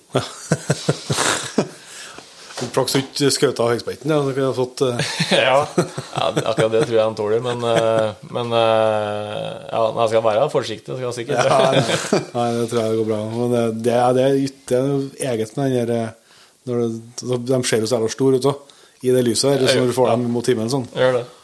Ja, det er faen meg tøft. Men eh, det, på det, det terrenget der, du- der, du er, der du er kjent, så skjønner jeg selvsagt, da, da tenker du litt hvordan du skal legge opp, legge opp ruta og sånn, men, men eh, planlegger du noe ut ifra vær og vind og Ja da, jeg gjør det. Så det er sånn eh, Si er det meldt mye regnvær sånn, Altså Jeg syns det er fantastisk bra å jakte i når det regner, men regner det for mye, så syns jeg ofte det inn i, går inn i de verste tettene. Ja. Og da, ofte, da ligger ofte fuglen ganske rolig. Så da er det vanskelig for bikkja å lukte noe også, selv om det er bløtt i terrenget. Så da lar jeg den ofte, ofte krysse flere områder hvor jeg ofte tror fuglen sitter. Eh, to, tre, fire, fem ganger Ja. for at eh, kanskje fuglen flytter på seg. Ligger fuglen helt rolig, så lukter det veldig lite. Eh, så kanskje bikkja får fuglen til å flytte seg noen halvmeter, meter, og da gir den fra seg den lille ekstra Ja. som gjør at Spesielt hvis det er kull, da. Så ja, det er mye som man fanger opp. og jeg ser, prøver liksom å lære meg litt sånn Jeg har fått inntrykk av Jeg har snakka med flere om folk som også driver med lavlandsfugl, eh, som, som med oppdrett av det.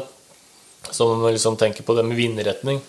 Da snakka jeg faktisk med onkelen min eh, tidligere i dag at eh, liksom vindretning, altså nordavind, østavind, nordøstavind, virket som fuglen lukter mye mindre.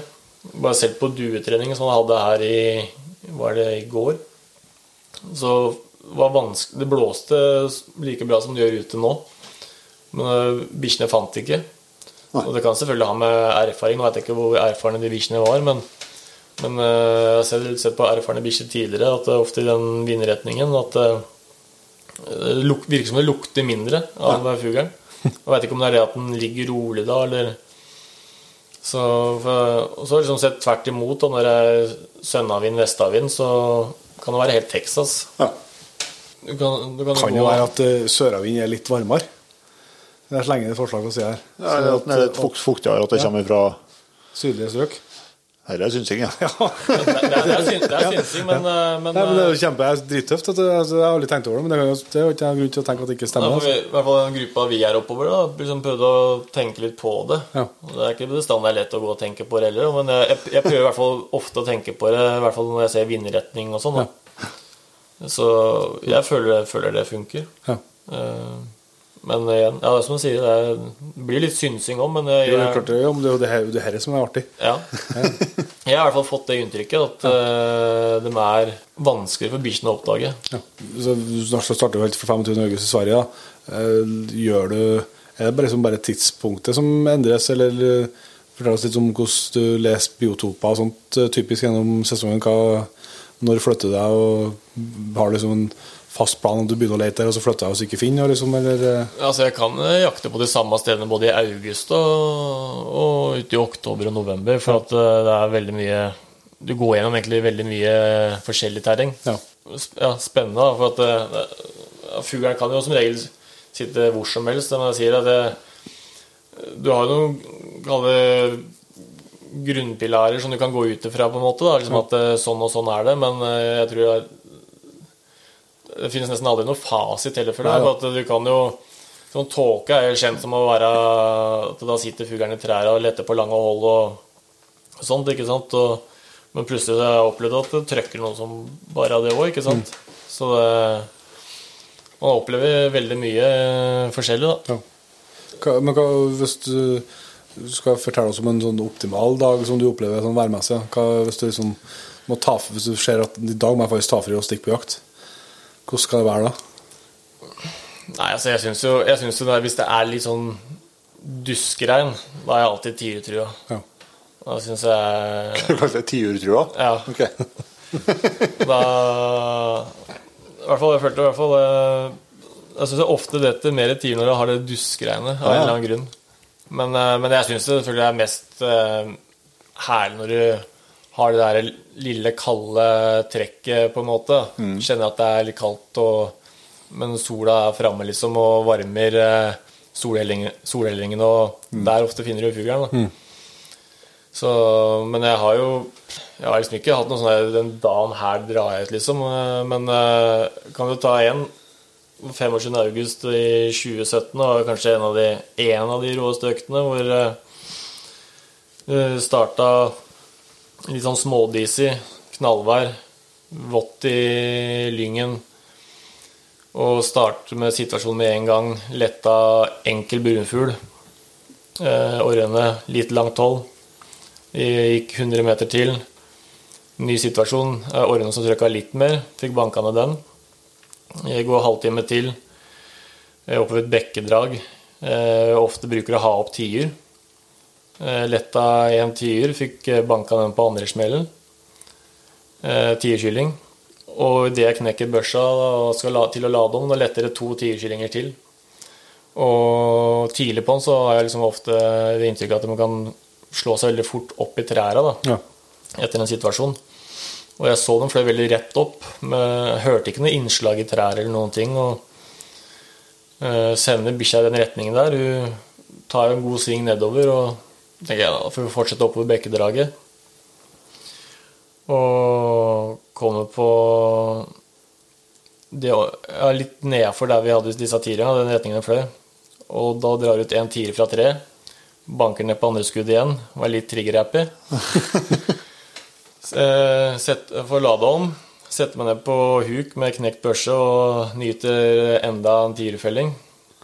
Og så drar ut en tier til fra treet ved siden av. Og sitter da på huk og må knekke sammen børsa og får, fikk banka ned på første skuddet. Da hadde jeg tre tiurer på ja, under fem minutter, tror jeg. Så Det er, det er sånne, sånne situasjoner du husker veldig godt. Ja, det er mulig å forstå. Så, men ikke sant? Og så, jeg skøyt jo noe mer fugl den runden der, ikke sant? og så kan du plutselig gå kveldsøkt og se minimalt. Ja. Det er som jeg sier at Selv om på de gode kroner det kan jo gå og se veldig lite. Ja. Jeg ser, vi snakket om det vi har jakta elg i Sverige i fjor, så, så var det jo sånn altså, Et par år før det så var det jo helt sinnssykt med fugl der. I fjor så, så var det så ekstremt flekkvis. Altså, du kom liksom i ett område, så det flaksa rundt deg på absolutt alle kanter. Og så kunne du gå i ti med etterpå, og du hørte ikke en vinge. Nei, ikke sant? Og så var det en ny sånn flekk liksom, der det var både årfugl og storfugl. Og det virka som de bare trakk seg sammen i, av en eller annen grunn. Da. Akkurat på noen flekker. Så det, du skal liksom finne, selv om Så der Ja, det, det var ganske bra med fugl i fjor, da, liksom, så, men det var ikke, de er jo ikke overalt for de, om det er bra med fugl. Nei, nei. Og ikke sant? Som, du finner jo ofte fugl på de samme områdene. da. Ja. Og du kan se når det er veldig høyt jaktpress mange steder, så forsvinner jo på en måte fuglen litt bort fra terrenget. Ja. Men den kommer jo alltid tilbake igjen. For mange sier liksom at ja, faen, jeg skyter ut all fuglen og sånn, men liksom Ja, så jeg og kameraet som har jakta masse oppi, i terrenget der vi, før, før så banka vi ned det som letta. Let, letta resultatet, på en måte. Samme om det var brunt eller svart. Og, men vi har liksom aldri hatt inntrykk av at det har gjort noen dempe på bestanden. Nei. Og Jeg tenker liksom, Du har jo på ofte et, et kronår, da, eller når det er store mengder med fugl, så får du ofte disse fugleparasittene. Mm. Og jeg tenker at får du skutt ut, øh, skutt ut eller skytende bra med fugl Jeg tenker Om vinteren og sånn, så vil de jo flokke seg. Og da er dette er litt smittende, da. Ja. Og da vil jo, tenker jeg, fortere kunne dauet mye òg, da. Jeg har aldri hatt det inntrykk at eh, jeger kan skyte ut en bestand, da. Men selvfølgelig nå de siste åra så har man jo fått litt mer måtehold, kan du kalle det. At At jeg kjenner at nå har jeg skutt Nok, liksom. Ja. jeg, Har jeg skutt liksom eh, to brunfugl, da, så får jeg den selvfølelsen at eh, nå er det kun svart her i dag, liksom. Eh, det er liksom magefølelsen, da. Ja. Sånn, bare sånn måtehold, egentlig. Jeg ser jo, jeg vet jo at den den fredning av brufugl er noe man gjør det er plasser, og det er sikkert eh, rett, altså skal ikke jeg uttale noe, men jeg har ikke uh, jakta på, på den måten. Jeg ser for meg at det må jo være litt sånn vanskelig sånn å måtte garantere noen ting. For at når du, altså, du må jo være så jæklig på. Og i noen situasjoner så, så du vet jo at det er en eh, storfugl som fer, men akkurat eh, hvordan farg det er i tetta i, i maksfart, liksom, det er jo ikke bestandig i hvert fall. Jeg- Det går jo fort. ja, i hvert fall først jeg innrømmer at jeg har skutt i mange fugler der jeg, når jeg kommer bort, da jeg får svaret på hva jeg har skutt i. Mm. Og det er jo selvsagt, Du skal jo vite at det er på noenlunde riktige arter, skjønner jeg. Ja. Men, men altså, det vet du. Det- Det, det- det, skjønner det, skjønner, du jo på en måte av typisk stand og, Ja. og, og lyden og sånn, men, men eh, Så det må jo være litt eh, Ja, der det er full sånn fredning, så må liksom det være litt sånn demper på Ikke bare for at du, ikke får- at du får mindre, potensielt mindre i sekken, det er jo på en måte det er jo lett å leve av med, men det er jo mer liksom hvis du må Det er fort gjort å bli bakpå da, hvis en liksom ikke Hvis en må være må dobbeltsjekke, dobbeltsjekke at det er rett før, før du trekker da. Ikke sant? Altså, alt er jo litt sånn instinktivt, ikke sant? Ja. Altså, det blir jo en, på, på skogen så blir det ofte litt ja, blir det ofte mye som de kaller refleksskudd. Ja. Ikke sant? Det går fort, og det er tett, og du må vite altså, Når du jakter med hund, så må du vite hvor bikkja er hen. Jakter du med flere, må du vite hvor dem er hen. Mm. Du må vite som, hvilken retning du skyter mot. Er det vei der? Er det hytter? Liksom Så det er, det er jo, Men mye sånn ligger jo Det er også en veldig fin ting med det å bli kjent i terrenget. ikke sant? Eh, samtidig sånn som vi alltid gjør på hytta. Forteller vi hvor vi har gått den. Eh, vi planlegger alltid liksom hvor vi skal gå hen eh, dagen etterpå pga. Av, av flere grunner. Det at vi eh, Skulle noen ikke dukke opp på hytta igjen, da, Ja. så veit du ok, han har jakta der, vi får ta en Tur dit, ja. ja. Eh, og, og det at du liksom kan orientere deg på kartet på hvor det er hytter, eller Ja. Ikke sant? Så eh, ja, jeg syns det, Og jeg tror også blir en bedre jeger av å lese kart. Da, for jeg tror liksom Skal du forflytte deg, da, liksom, prøve et nytt sted, så tror jeg du kan bli, finne gode biotoper bare, bare av å lese kart. Da. tror jeg. Både, ja, og ikke minst når du har tilgang noe på så mye bra satellittkart og sånn, Mm. så er det jo eh, Du kan jo du kan ikke se tiuren, det kan du ikke gjøre, men du kan se noe, i hvert fall. Ja Ja. Hvor, bør, hvor det er lurt å begynne, begynne å lete. Mm. Det er spesielt eh, orrhøn og orrhane. Når de letter. Det, Ja, det er ikke jeg tror ikke det er bankers på den. Nei, det er ikke bankers hvis de kan skjøte, nei. Nei, Nei, så Jeg skjønner at det er løsbart å bare ikke skjøte. Altså, jeg forstår, skjønner at det ikke er umulig å, å leve med, altså. men, eh, men det altså, jeg tror det er fort gjort at den blir eh, for sein den gangen du eh, Den gangen det, du vet at det er rett, men du bare du har måttet ha brukt eh, millisekunder først, liksom. Mm.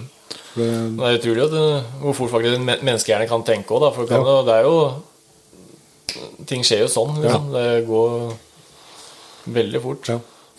Men når, når hund har stand, da, så der er det jo litt forskjellige, forskjellige løsninger og hva, hva, hva folk eh, og jegere gjør da.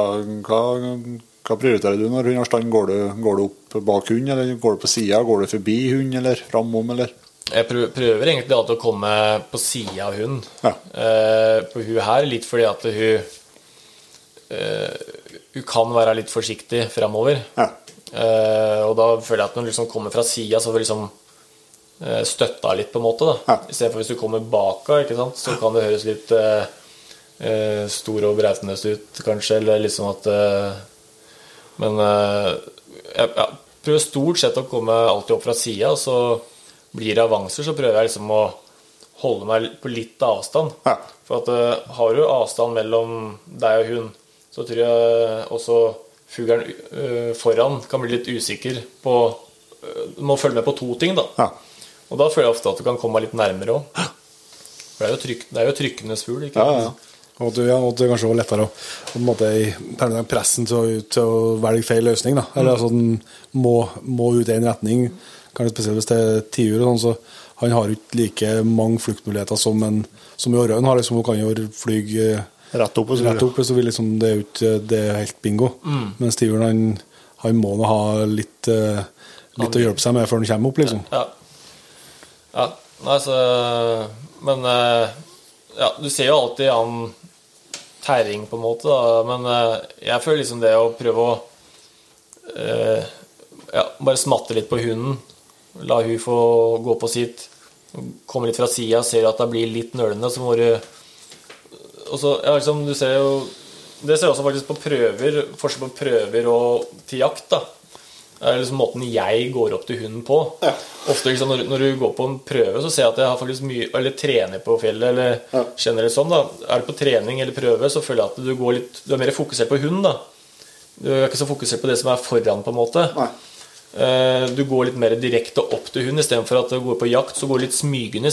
Du gjør dette her litt for spennende kanskje for bikkja, og hun blir litt forsiktig. Så eh, ja, det er, jeg tror det er mye sånn som også kan liksom få bikkja di til å knyte seg litt. da. Ja, altså, altså, de leser jo de, altså, Hunden din leser jo deg fort.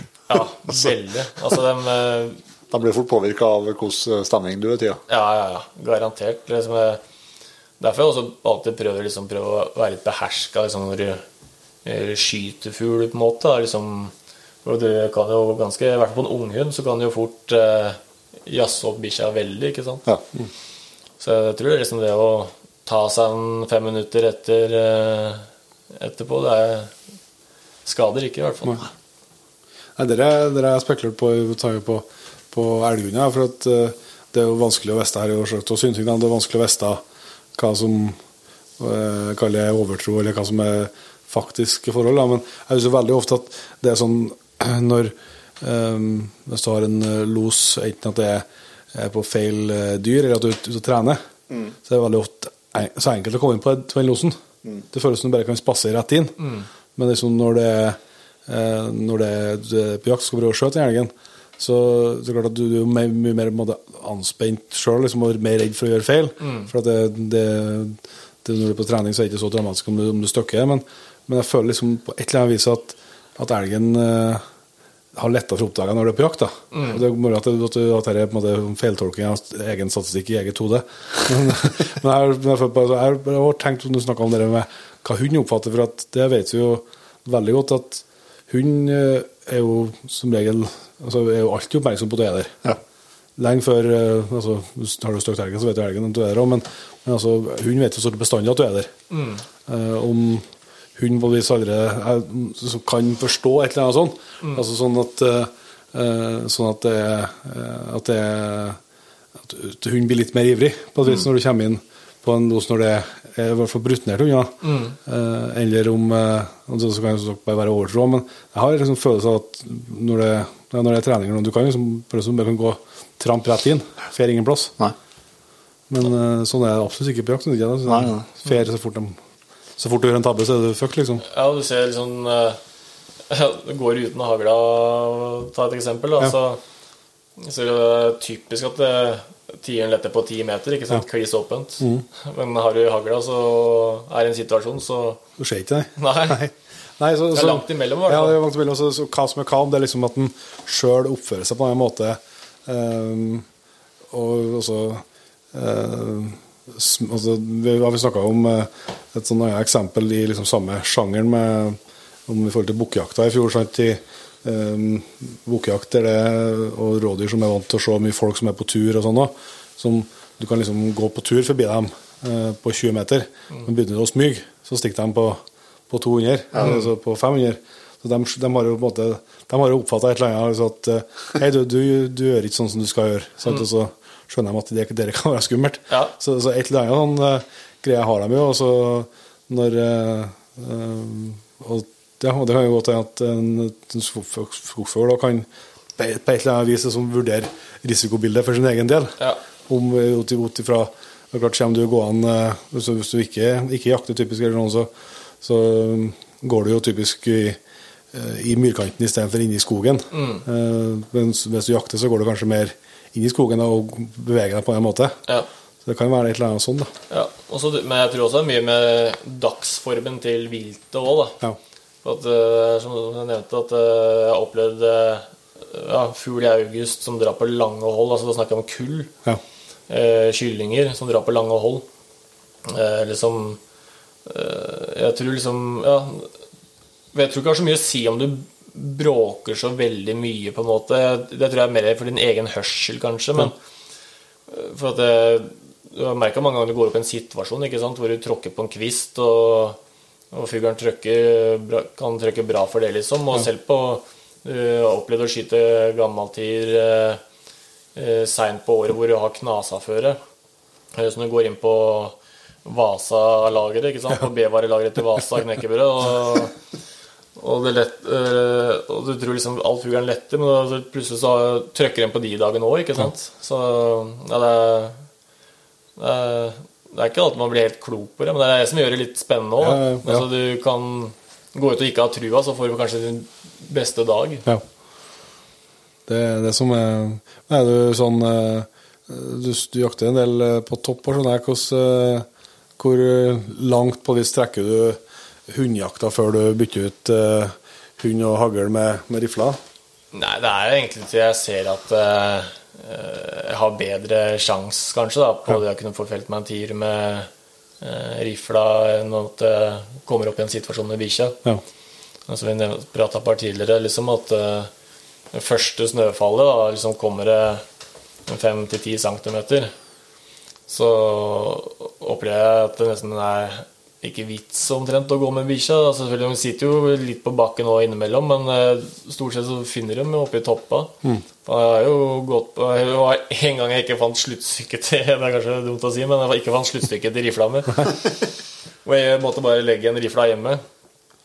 Og da var jeg på en langhelg oppe i Sverige eh, og gikk innover i terrenget her og, satt all tiden på topp, ikke sant. Ja. Altså, du hadde jo så mange situasjoner du kunne drømme om omtrent. Ja. At du fort kunne tatt med deg fem tiere om du hadde hatt lyst til det, så Ja. hadde du klart det, liksom.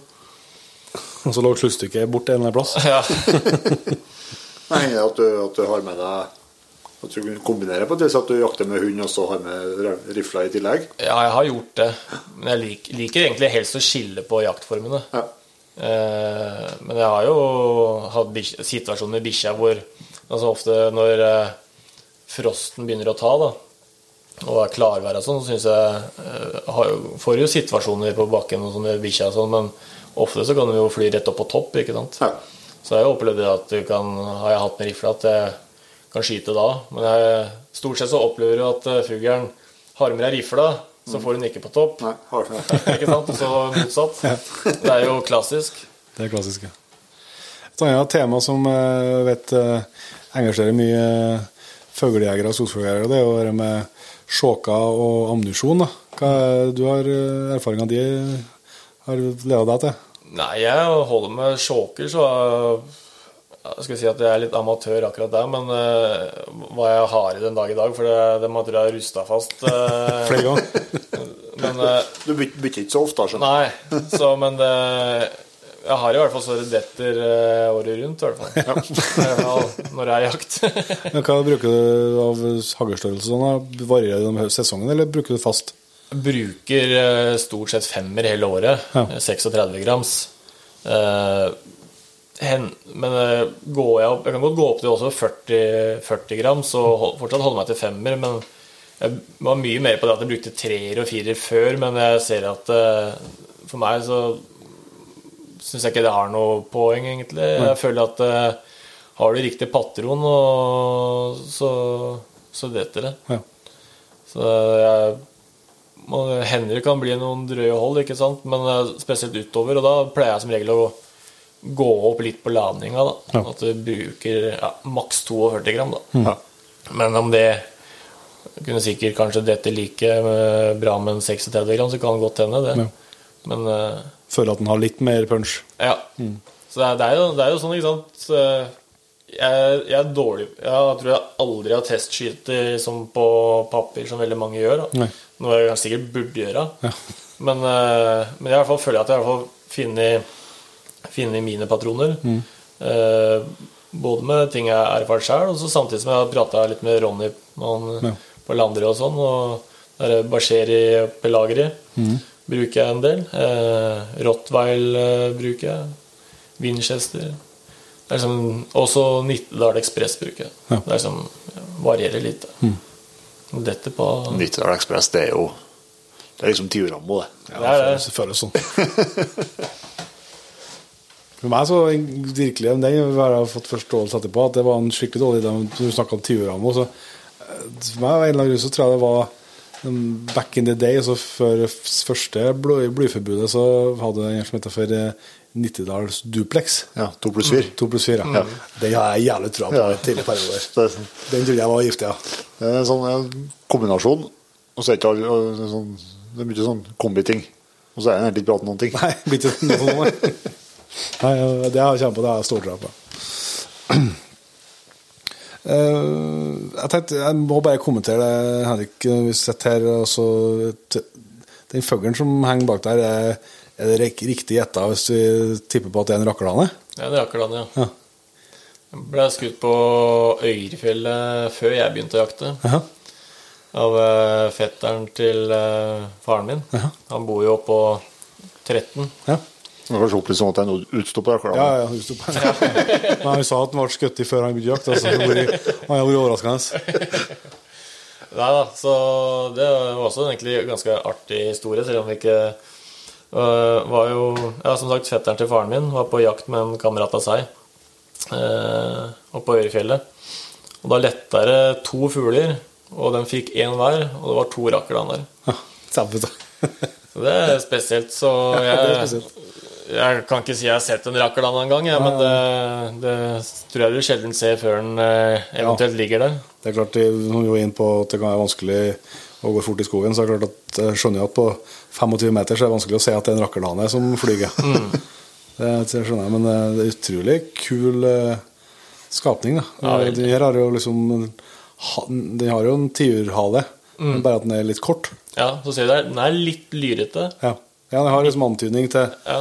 Litt antydning til, Mm. Og så er jo en for stor til å være Altfor stor til å være orana, selvsagt. Men så- For det kan jo faen være andre varianter òg, at du Jeg mener jeg har sett noen som har hatt litt mer tiurstørrelse, men har den vifteforma på, på sterten. da. Lyren ja. Ja. Ja, du kan sikkert slå ut i alle mulige retninger der, ja. Rakkeren den er som veldig mange sikkert tror også i dag, men den, eh, den kan jo faktisk eh, pare En første generasjon, generasjons årene kan jo pare seg en gang. Det er første gangs raklane. Ja. Mens eh, en ja, eh, kylling deretter vil jo da være steril. Da er det stopp. Ok. Ja, Jeg trodde jeg at det var sånn at, det var, at de var stopp med en gang. Jeg visste ikke at de kunne eh, få til en, få til en runde. Nei. Men det er klart de Vi har vel snakket etter første runde. Ja, men det er klart, du skjønner jo at hvis den der- der Det er jo så populært i dag, og så for, du kan få identifisere deg hva du vil. Det er jo veldig bra. Og hvis han der identifiserer seg som orane, så ser du på at han har hatt ganske fair sjanse på bårfugleleken. Ja, ja. Da har vi sett- har vi sett videoen, Ja, ja. eh. De får jo grisehjuling. Ja, det blir jo litt perverst, de greiene der. Det skjønner jeg jo at de kan ha en fair sjanse, ja. Ja, nei, jeg har jo, jeg har jo en eh, Han som holdt på å si ordna meg jakt, eh, de jaktrettene jeg har oppe i Sverige. Han uh, smøg seg på en gjeng med orraner på toppjakt en gang. Ja. Og som de satt og spilte som noen gærninger. Ja. Og så kom han litt for nærme disse, så letta alle disse hannene. Men det var én fugl som satt igjen der, som var litt annerledes lyd på. Ja.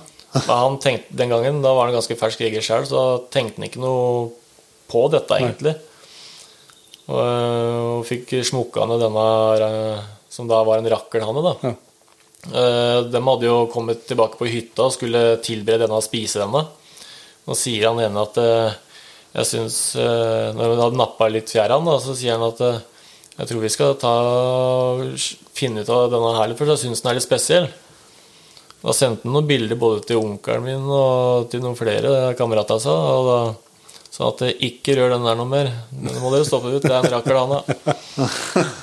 Så den har han faktisk utstoppa hjemme i dag. Ja. Hvordan er, det, hvordan er den samlinga med den her, da? Den er litt mindre Altså eh, kilosmessig så er den litt mindre, bare enn 300 gram, men eh, den var voksen Men ligner mer på Norane? Ja. Liksom, Eh, en- Ganske lik sånn utseendemessig, så er den vel lik denne, bare litt mm, Sikkert noe et år yngre eller et eller annet. ja.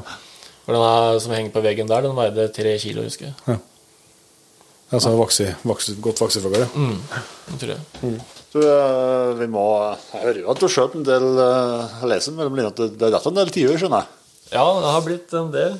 Hva veier du tiurene, det? Ja, jeg gjør det. Det gjør jeg. Eh, og jeg skal si Det å skyte seg en eh, fem, eh, fem kilo side, det hadde vært innmari kult. Jeg skal si at men for, for min del også blir tier en tier, altså skal jeg være helt ærlig å si. Men ja, jeg veier, held med deg til det. ja. Men jeg, ja, jeg veier tiera. Jeg gjør det, så lenge jeg har en vekt i nærheten. Ja. Så, men jeg har aldri, aldri nådd femkilosen ennå. Selv på toppjakt så har jeg ikke det. Men jeg, der har vel det største ligget på 4-9 av de jeg har skutt. Ja. Jeg veit om én som har skutt en tier oppe i terrenget vårt på rett over 5 kilo på toppjakta. Ja. Men jeg har skutt et par eh, med hagla på 4-8, ja, rett over 4-8. Ja. Men ikke noe større. Ikke den magiske grensa. Nei. Nei. Så, men eh, det er alltid moro å ha et mål. Ja, ja. Hva med duble på tiur? Har du prøvd det? At jeg har prøvd det Ja, og så jeg prøvd, prøvd, prøvd å få det til, men ikke, ikke lykkes med ennå? Nei, jeg har ikke lykkes. Nei. Jeg har hatt uh, andre rå Veldig nært en tiur, den den duble den du fortalte om i stad. Ja, Ja, ja, altså det blir jo det blir ikke en rein dublé, men eh, det blir jo noe nærmere, i hvert fall. Ja, ja, ja. Jeg har jo hatt dobbel på Dobbel på Jeg hadde faktisk kan ta én jakthistorie fra oppe i Finskogen. En vanvittig rå økt, syns jeg.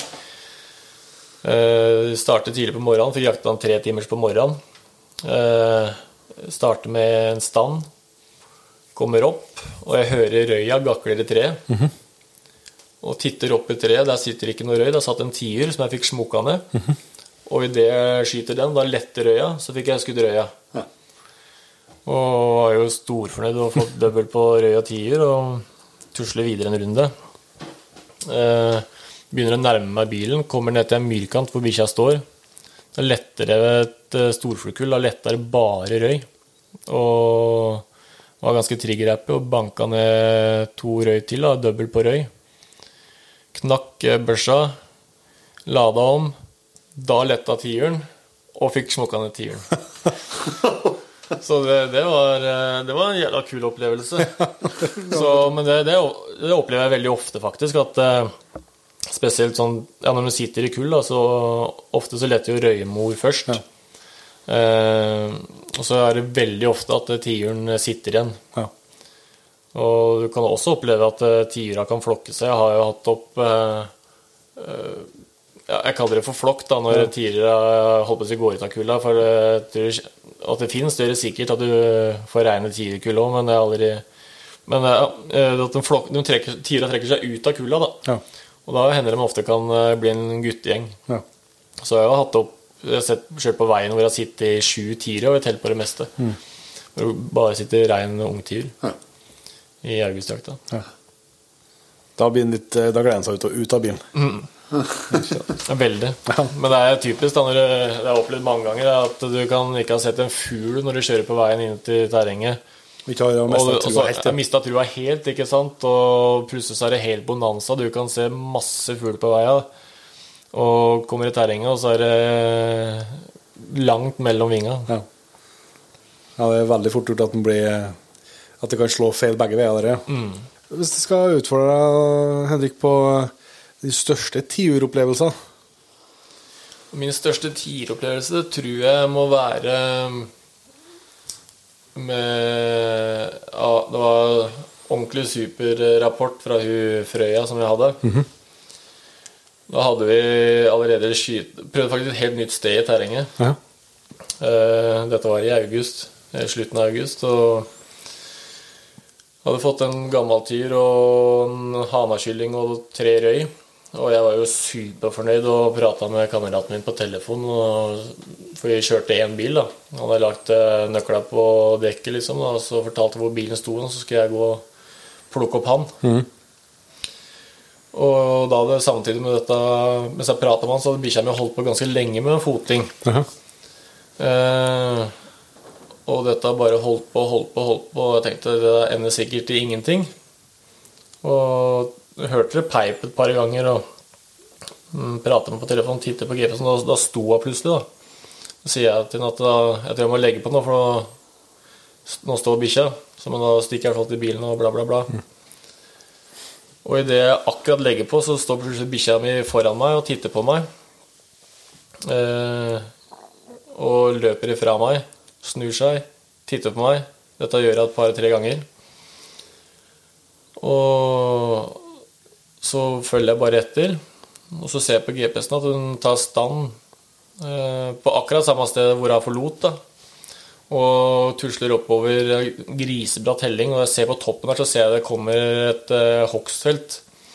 Da ser jeg gammaltiuren på bakken tusler, lister seg sakte oppover. Og tenker at den har tenkt å slippe seg over kanten oppå der. Så den uh, fikk bøter med livet på bakken, ja. ja. Så nei, det, det, var en ordentlig stor opplevelse. Det var en av de få gangene jeg har gått med et par gammaltiurer i sekken. Ja. Så det jeg har, hatt, jeg har jo hatt masse, masse rapporter, men uh, akkurat den der husker jeg syns jeg var veldig spesiell. Mm. For det, det var egentlig da jeg skjønte at du hadde rapportert i ganske mange år. Ja. Så, det var liksom den siste som, brikken som datt på plass, liksom? Ja. For din del? Ja. ja. Ja. for det er som du hører veldig mange Jeg husker jeg fortalte en historie sånn eh, til kamerat, eller, disse erfarne kameratene mine da, som har vært med i gamet lenge. Eh, kamerater av onkelen min og sånn, som sier at uh, det er rapportering, sier de. Ja. ja, er det det, tenkte jeg liksom. Det er liksom nesten litt for godt til å være sant, på en måte. Men ja. Da skjønte jeg i hvert fall den gangen der at uh, ja, det var rapportert jo ganske mange år, faktisk. Ja. jeg hadde rapportert jo men Jeg vet ikke ærlig om det er godt at du gjorde det før jeg skjønte det, men den gangen, den gangen jeg skjønte det, så var jeg liksom ikke, følte ikke at det var til å misforstå. For da var vi flere, var to eller tre stykker, jeg husker ikke, tre stykker kanskje var på jakt i lag. Og så gikk vi med, med henne, og så gikk de litt eh, Jeg gikk liksom på, kai på knekken, da. Så gikk de litt, eh, litt lenger eh, innpå. Og så ble det Da hadde jeg jo standvarsler, hadde ikke GPS, ja. standvarsler, så det begynte å pipe den. Ja. Men så følte jeg jeg sto så jævlig bra. Altså, hvis det var dette det skulle være tid, liksom, så følte jeg jeg sto liksom optimalt. da. Så, så jeg rekna, så skjønte jeg at de måtte være nærmere den stand. Så jeg bare jeg bare sto liksom og regnet med den, så de gikk jo sikkert opp til, til hund. da. Og så det sto og sto og sto. jeg Plutselig ble det stilt på standvarsleren. Så kom hun rett ned til meg, og da sprang og sprang på meg, hoppa oppå meg.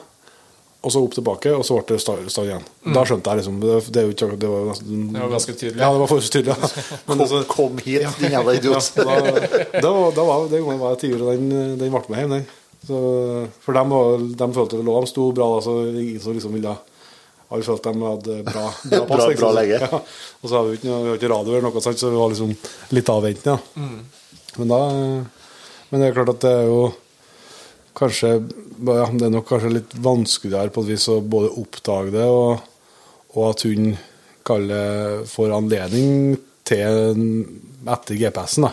Altså at nå er vi jo Nå ser vi ok, du står jo der, da går du jo dit, og da kanskje, i hvert fall på henne, så virka det som om du måtte ha litt tid før hun valgte å, å løse ut av stand og prøve å finne, finne oss, liksom.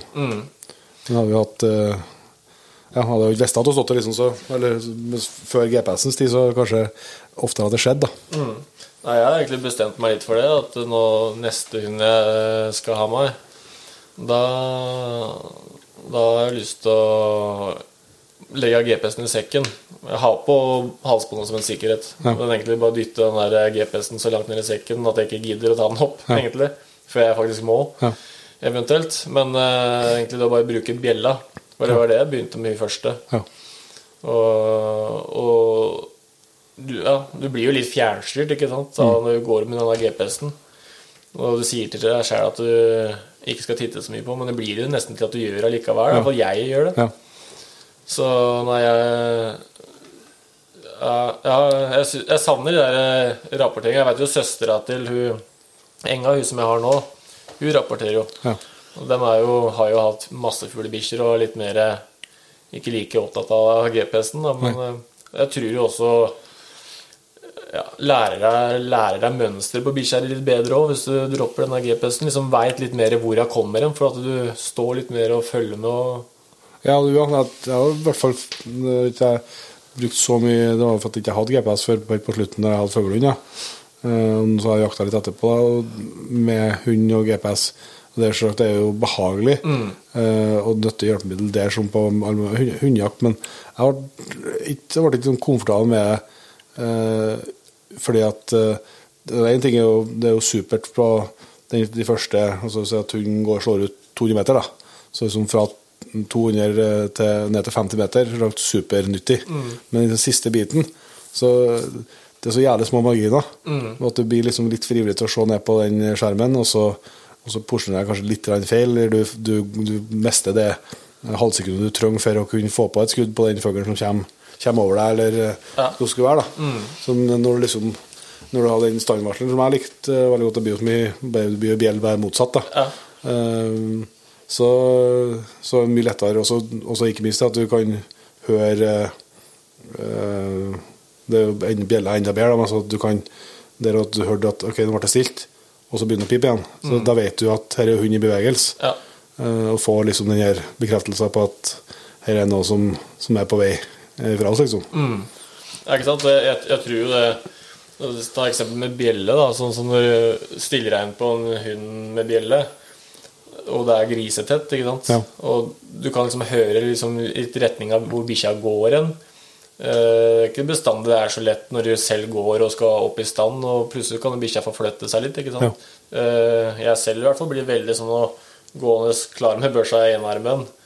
I litt sånn hvilemodus, eh, på en måte. Og så går jeg med GPS-en og følger Jeg må liksom vite 100 hvor hun er hen, da. Ja. For å i hvert fall skulle kunne få skutt. da. Ja, ja. Og det tror jeg også det kan være en liten fordel med bjelle, kanskje. da. Mange syns det er slitsomt å fly og høre på den bjella, men jeg har alltid syntes det har vært litt sjarm med det òg. Det blir liksom lyden av skogsfugljakt. Ja.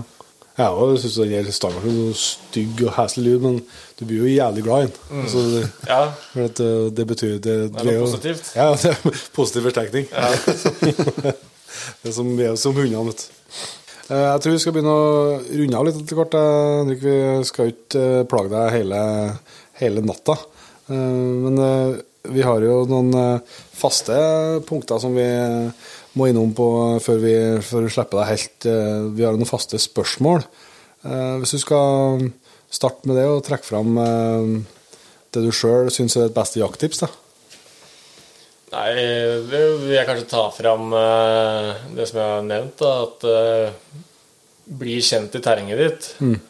ikke dra dit hvor det kanskje bestandig høres hvor det er bra, hvor alle andre går, kanskje. Men det, jeg tror på selv dårlige år så kan du få et si, middels år da, ved å være ganske godt kjent i terrenget ditt. Ja. For at eh, ja, du, du går forbi mye fugl uansett, tenker jeg. Om det er masse fugl eller lite fugl, så går du alltid forbi fugl. Selv med bikkje. Selv med en god bikkje. Ja.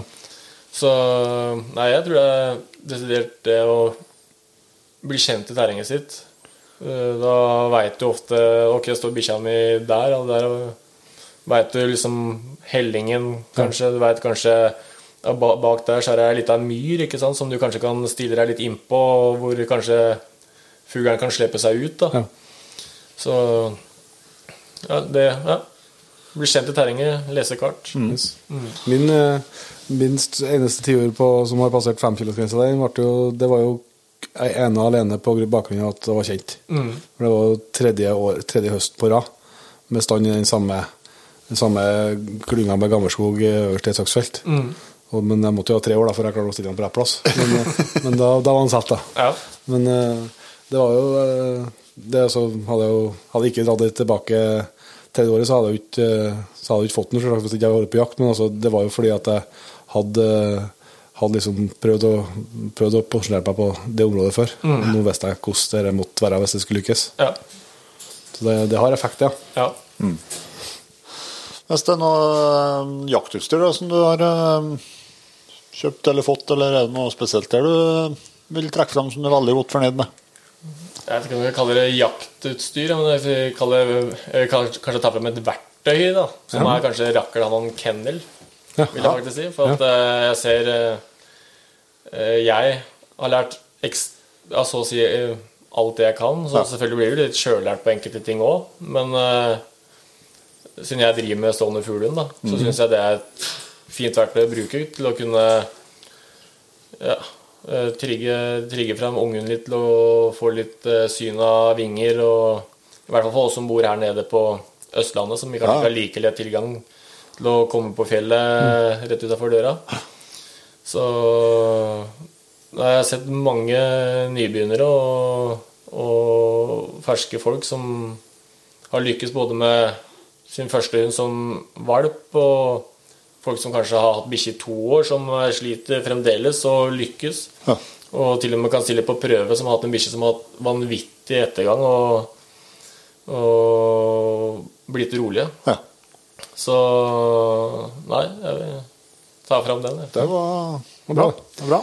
Er det noe jaktdrøm Henrik, som eh, ligger og demrer noen ganger?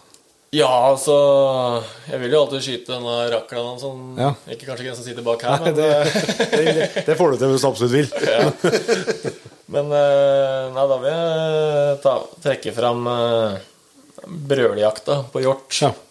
Den uh, har jeg sett dere har vært på. Ja. Jeg har sett, alltid sikla litt på det. Jeg syns alltid jeg har sett vanvittig, vanvittig flott ut. Det anbefales det på sterkeste, det, gitt. Og så har vi jo fått eh, Vi har spurt tiur og beste og største og alt mulig rart, så det er jo dårlig gjort det når vi skal spørre deg om et eh, enda et godt jaktbind og avrunde episoden eh, med jakthistorie på slutten her. Ta en da som gikk over til toppjakt til slutt, på, for jeg var oppe i Finnskogen og jakta. Og Der veit jeg at det er ulv, men jeg har aldri, hatt noe problem med den. Jeg har sett den der på, fra, fra bilen. Og, men det var eh, 13. desember i 2020. Da Da var vi for å jakte med stående fuglehund. Og da kom vi ja, I høyeste terrenget der så hadde det kommet en del snø, og det snødde fremdeles. Og jakta en time, så ser jeg bikkja mi stopper opp. en opplevelse jeg har hatt før med hun gamle bikkja, hvor jeg fikk observert bjørn. Ja. Eh, og kommer fram til da, hvor jeg ser jeg går ulvespor på kryss og tvers. Hvor jeg da har bånd i sekken og kobler av og går tilbake til bilen. Eh, for akkurat da jeg kommer til bilen, så ringer onkelen min meg og prater med han på telefon nedover. Og får øye på en tier som sitter på topp. Jeg kjører videre nedover. Da får jeg tatt eh, to stykker som jakta litt sånn ugreit. eh, Så jeg fikk prata litt med etterpå. Men jeg jakta fra bil. Tok, han sto faktisk og skøyt på tiur fra, fra bilen som sto på tomgang. Da satt sjåføren i setet, og han eh, skjøt på denne tiuren og prøvde å bortforklare seg litt etterpå. Eh, og tenkte jeg Jeg hadde litt, lite lyst til å gå og slippe hunden igjen da, etter jeg hadde så ja, jeg ikke visste hvor denne ulven var. Nei. Så det ble til at jeg tok med kameraet mitt og kjørte litt rundt på veia og så at jeg så noen flere tier som satt på topp. Eh, og fikk jo sett masse tiur. Eh, så ringte jeg onkelen min, som jakta ganske lavt i terrenget, og det er høljreinere. Ja. Ringte han og prata med han, og han hadde sett lite og sånn og sånn. Og da sier, sier jeg, jeg at jeg ser masse tier på topp. da Han sier at han, ja, har med rifla, jeg, sa han. Og han kommer, kommer og møter meg, da, så tusler vi oppover en bomma vei. Og hvor vi får faktisk en jævlig rå økt på toppjakt, og da var det bare noen få timer igjen. Jeg tror vi hadde to timer igjen av dagen. Hvor vi da får observert eh, Det var 19 tiurer. Og jeg skulle egentlig bare gå bak og filme Ja. med kameraet mitt. Og, og han får skutt seg to tirer. Han hadde bare med seg fem skudd, så han hadde bomma på én, skyte to. Og så skulle jeg altså få lagt meg ned og skyte, da. Men eh, jeg visste ikke hvor lett eh, børsa hans var på avtrekket. Det smalt jo veldig fort da, i forhold til hva det gjorde på børsa mi, så det ble bom, men tieren satt igjen. Og sa han, da er jeg tom for patroner, sa han. Så drev han og fikla lomma sine. Da hadde han én patron igjen. Da fikk jeg en ny sjanse, og den datt. Så ja, det, det var faktisk en uh, dag som starta med litt sånn vond, uh, Ja, ja, vond uh, følelse i kroppen, og endte med faktisk et veldig rå toppjakt. Ja, tøft. Ja, men Da syns jeg vi har en god måte å gå ut av den praten her på. Og så skal vi si tusen takk Henrik, for at du tok deg tid til en prat med oss. Veldig bra. Kjempehyggelig at dere ville prate, en prat med meg. Ja, ja, ja. Takk for praten. Jo, takk. Det var altså Henrik eh, Torp, det. En trivelig ung eh, jeger som eh, utvilsomt eh, både har lyktes i Skogsfugleskogen og har en eh, lidenskap eh, både for jakta og for hundene på skogen. Ja, det var et trivelig bekjentskap, det. Så det håper jeg at du som har vært med oss helt hit, og holder med med oss i. Vi har jo en hyggelig tradisjon i våre episoder Jon Inge, med å ønske nyankomne patriens velkommen inn i jaktlaget.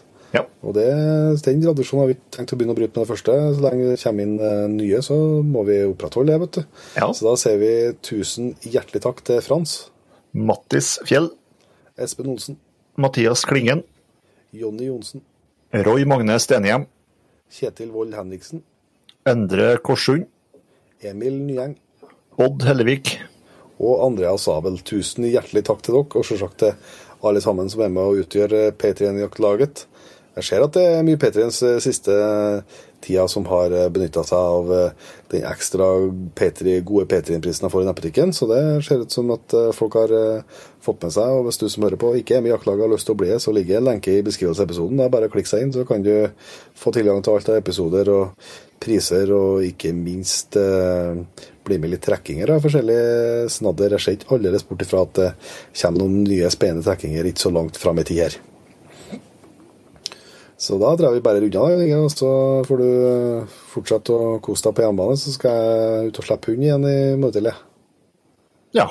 Jeg, jeg koser meg med at du sier at du skal ut og slippe hund, og ikke ut og jakte elg, for da skal vi jo gjøre det samme. Ja, sånn. Ja. ja, men eh, du hørte nå statistikken jeg oppga på svenskejakta, så, så det er vel eh, det, det er mye rettere å kalle det å slippe hund i å jakte elg.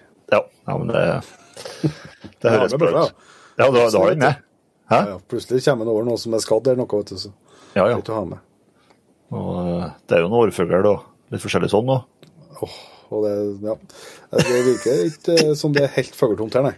Nei, det vet Jeg ikke det. glemte til å se uh, Rex har hatt noe Jeg har ikke hatt langlosa, det skal han faktisk slippe å ha på seg, men uh, det var spesielt et jerpkull der som var litt vanskelig å slippe, ja. Ja, for de, de flyr jo ikke spesielt langt. Nei, det virka ikke sånn, nei. Nei. Så det Alt er stabilt. Nei, men da tror jeg vi runder av den egen CV som bruker til neste gang. Vi høres.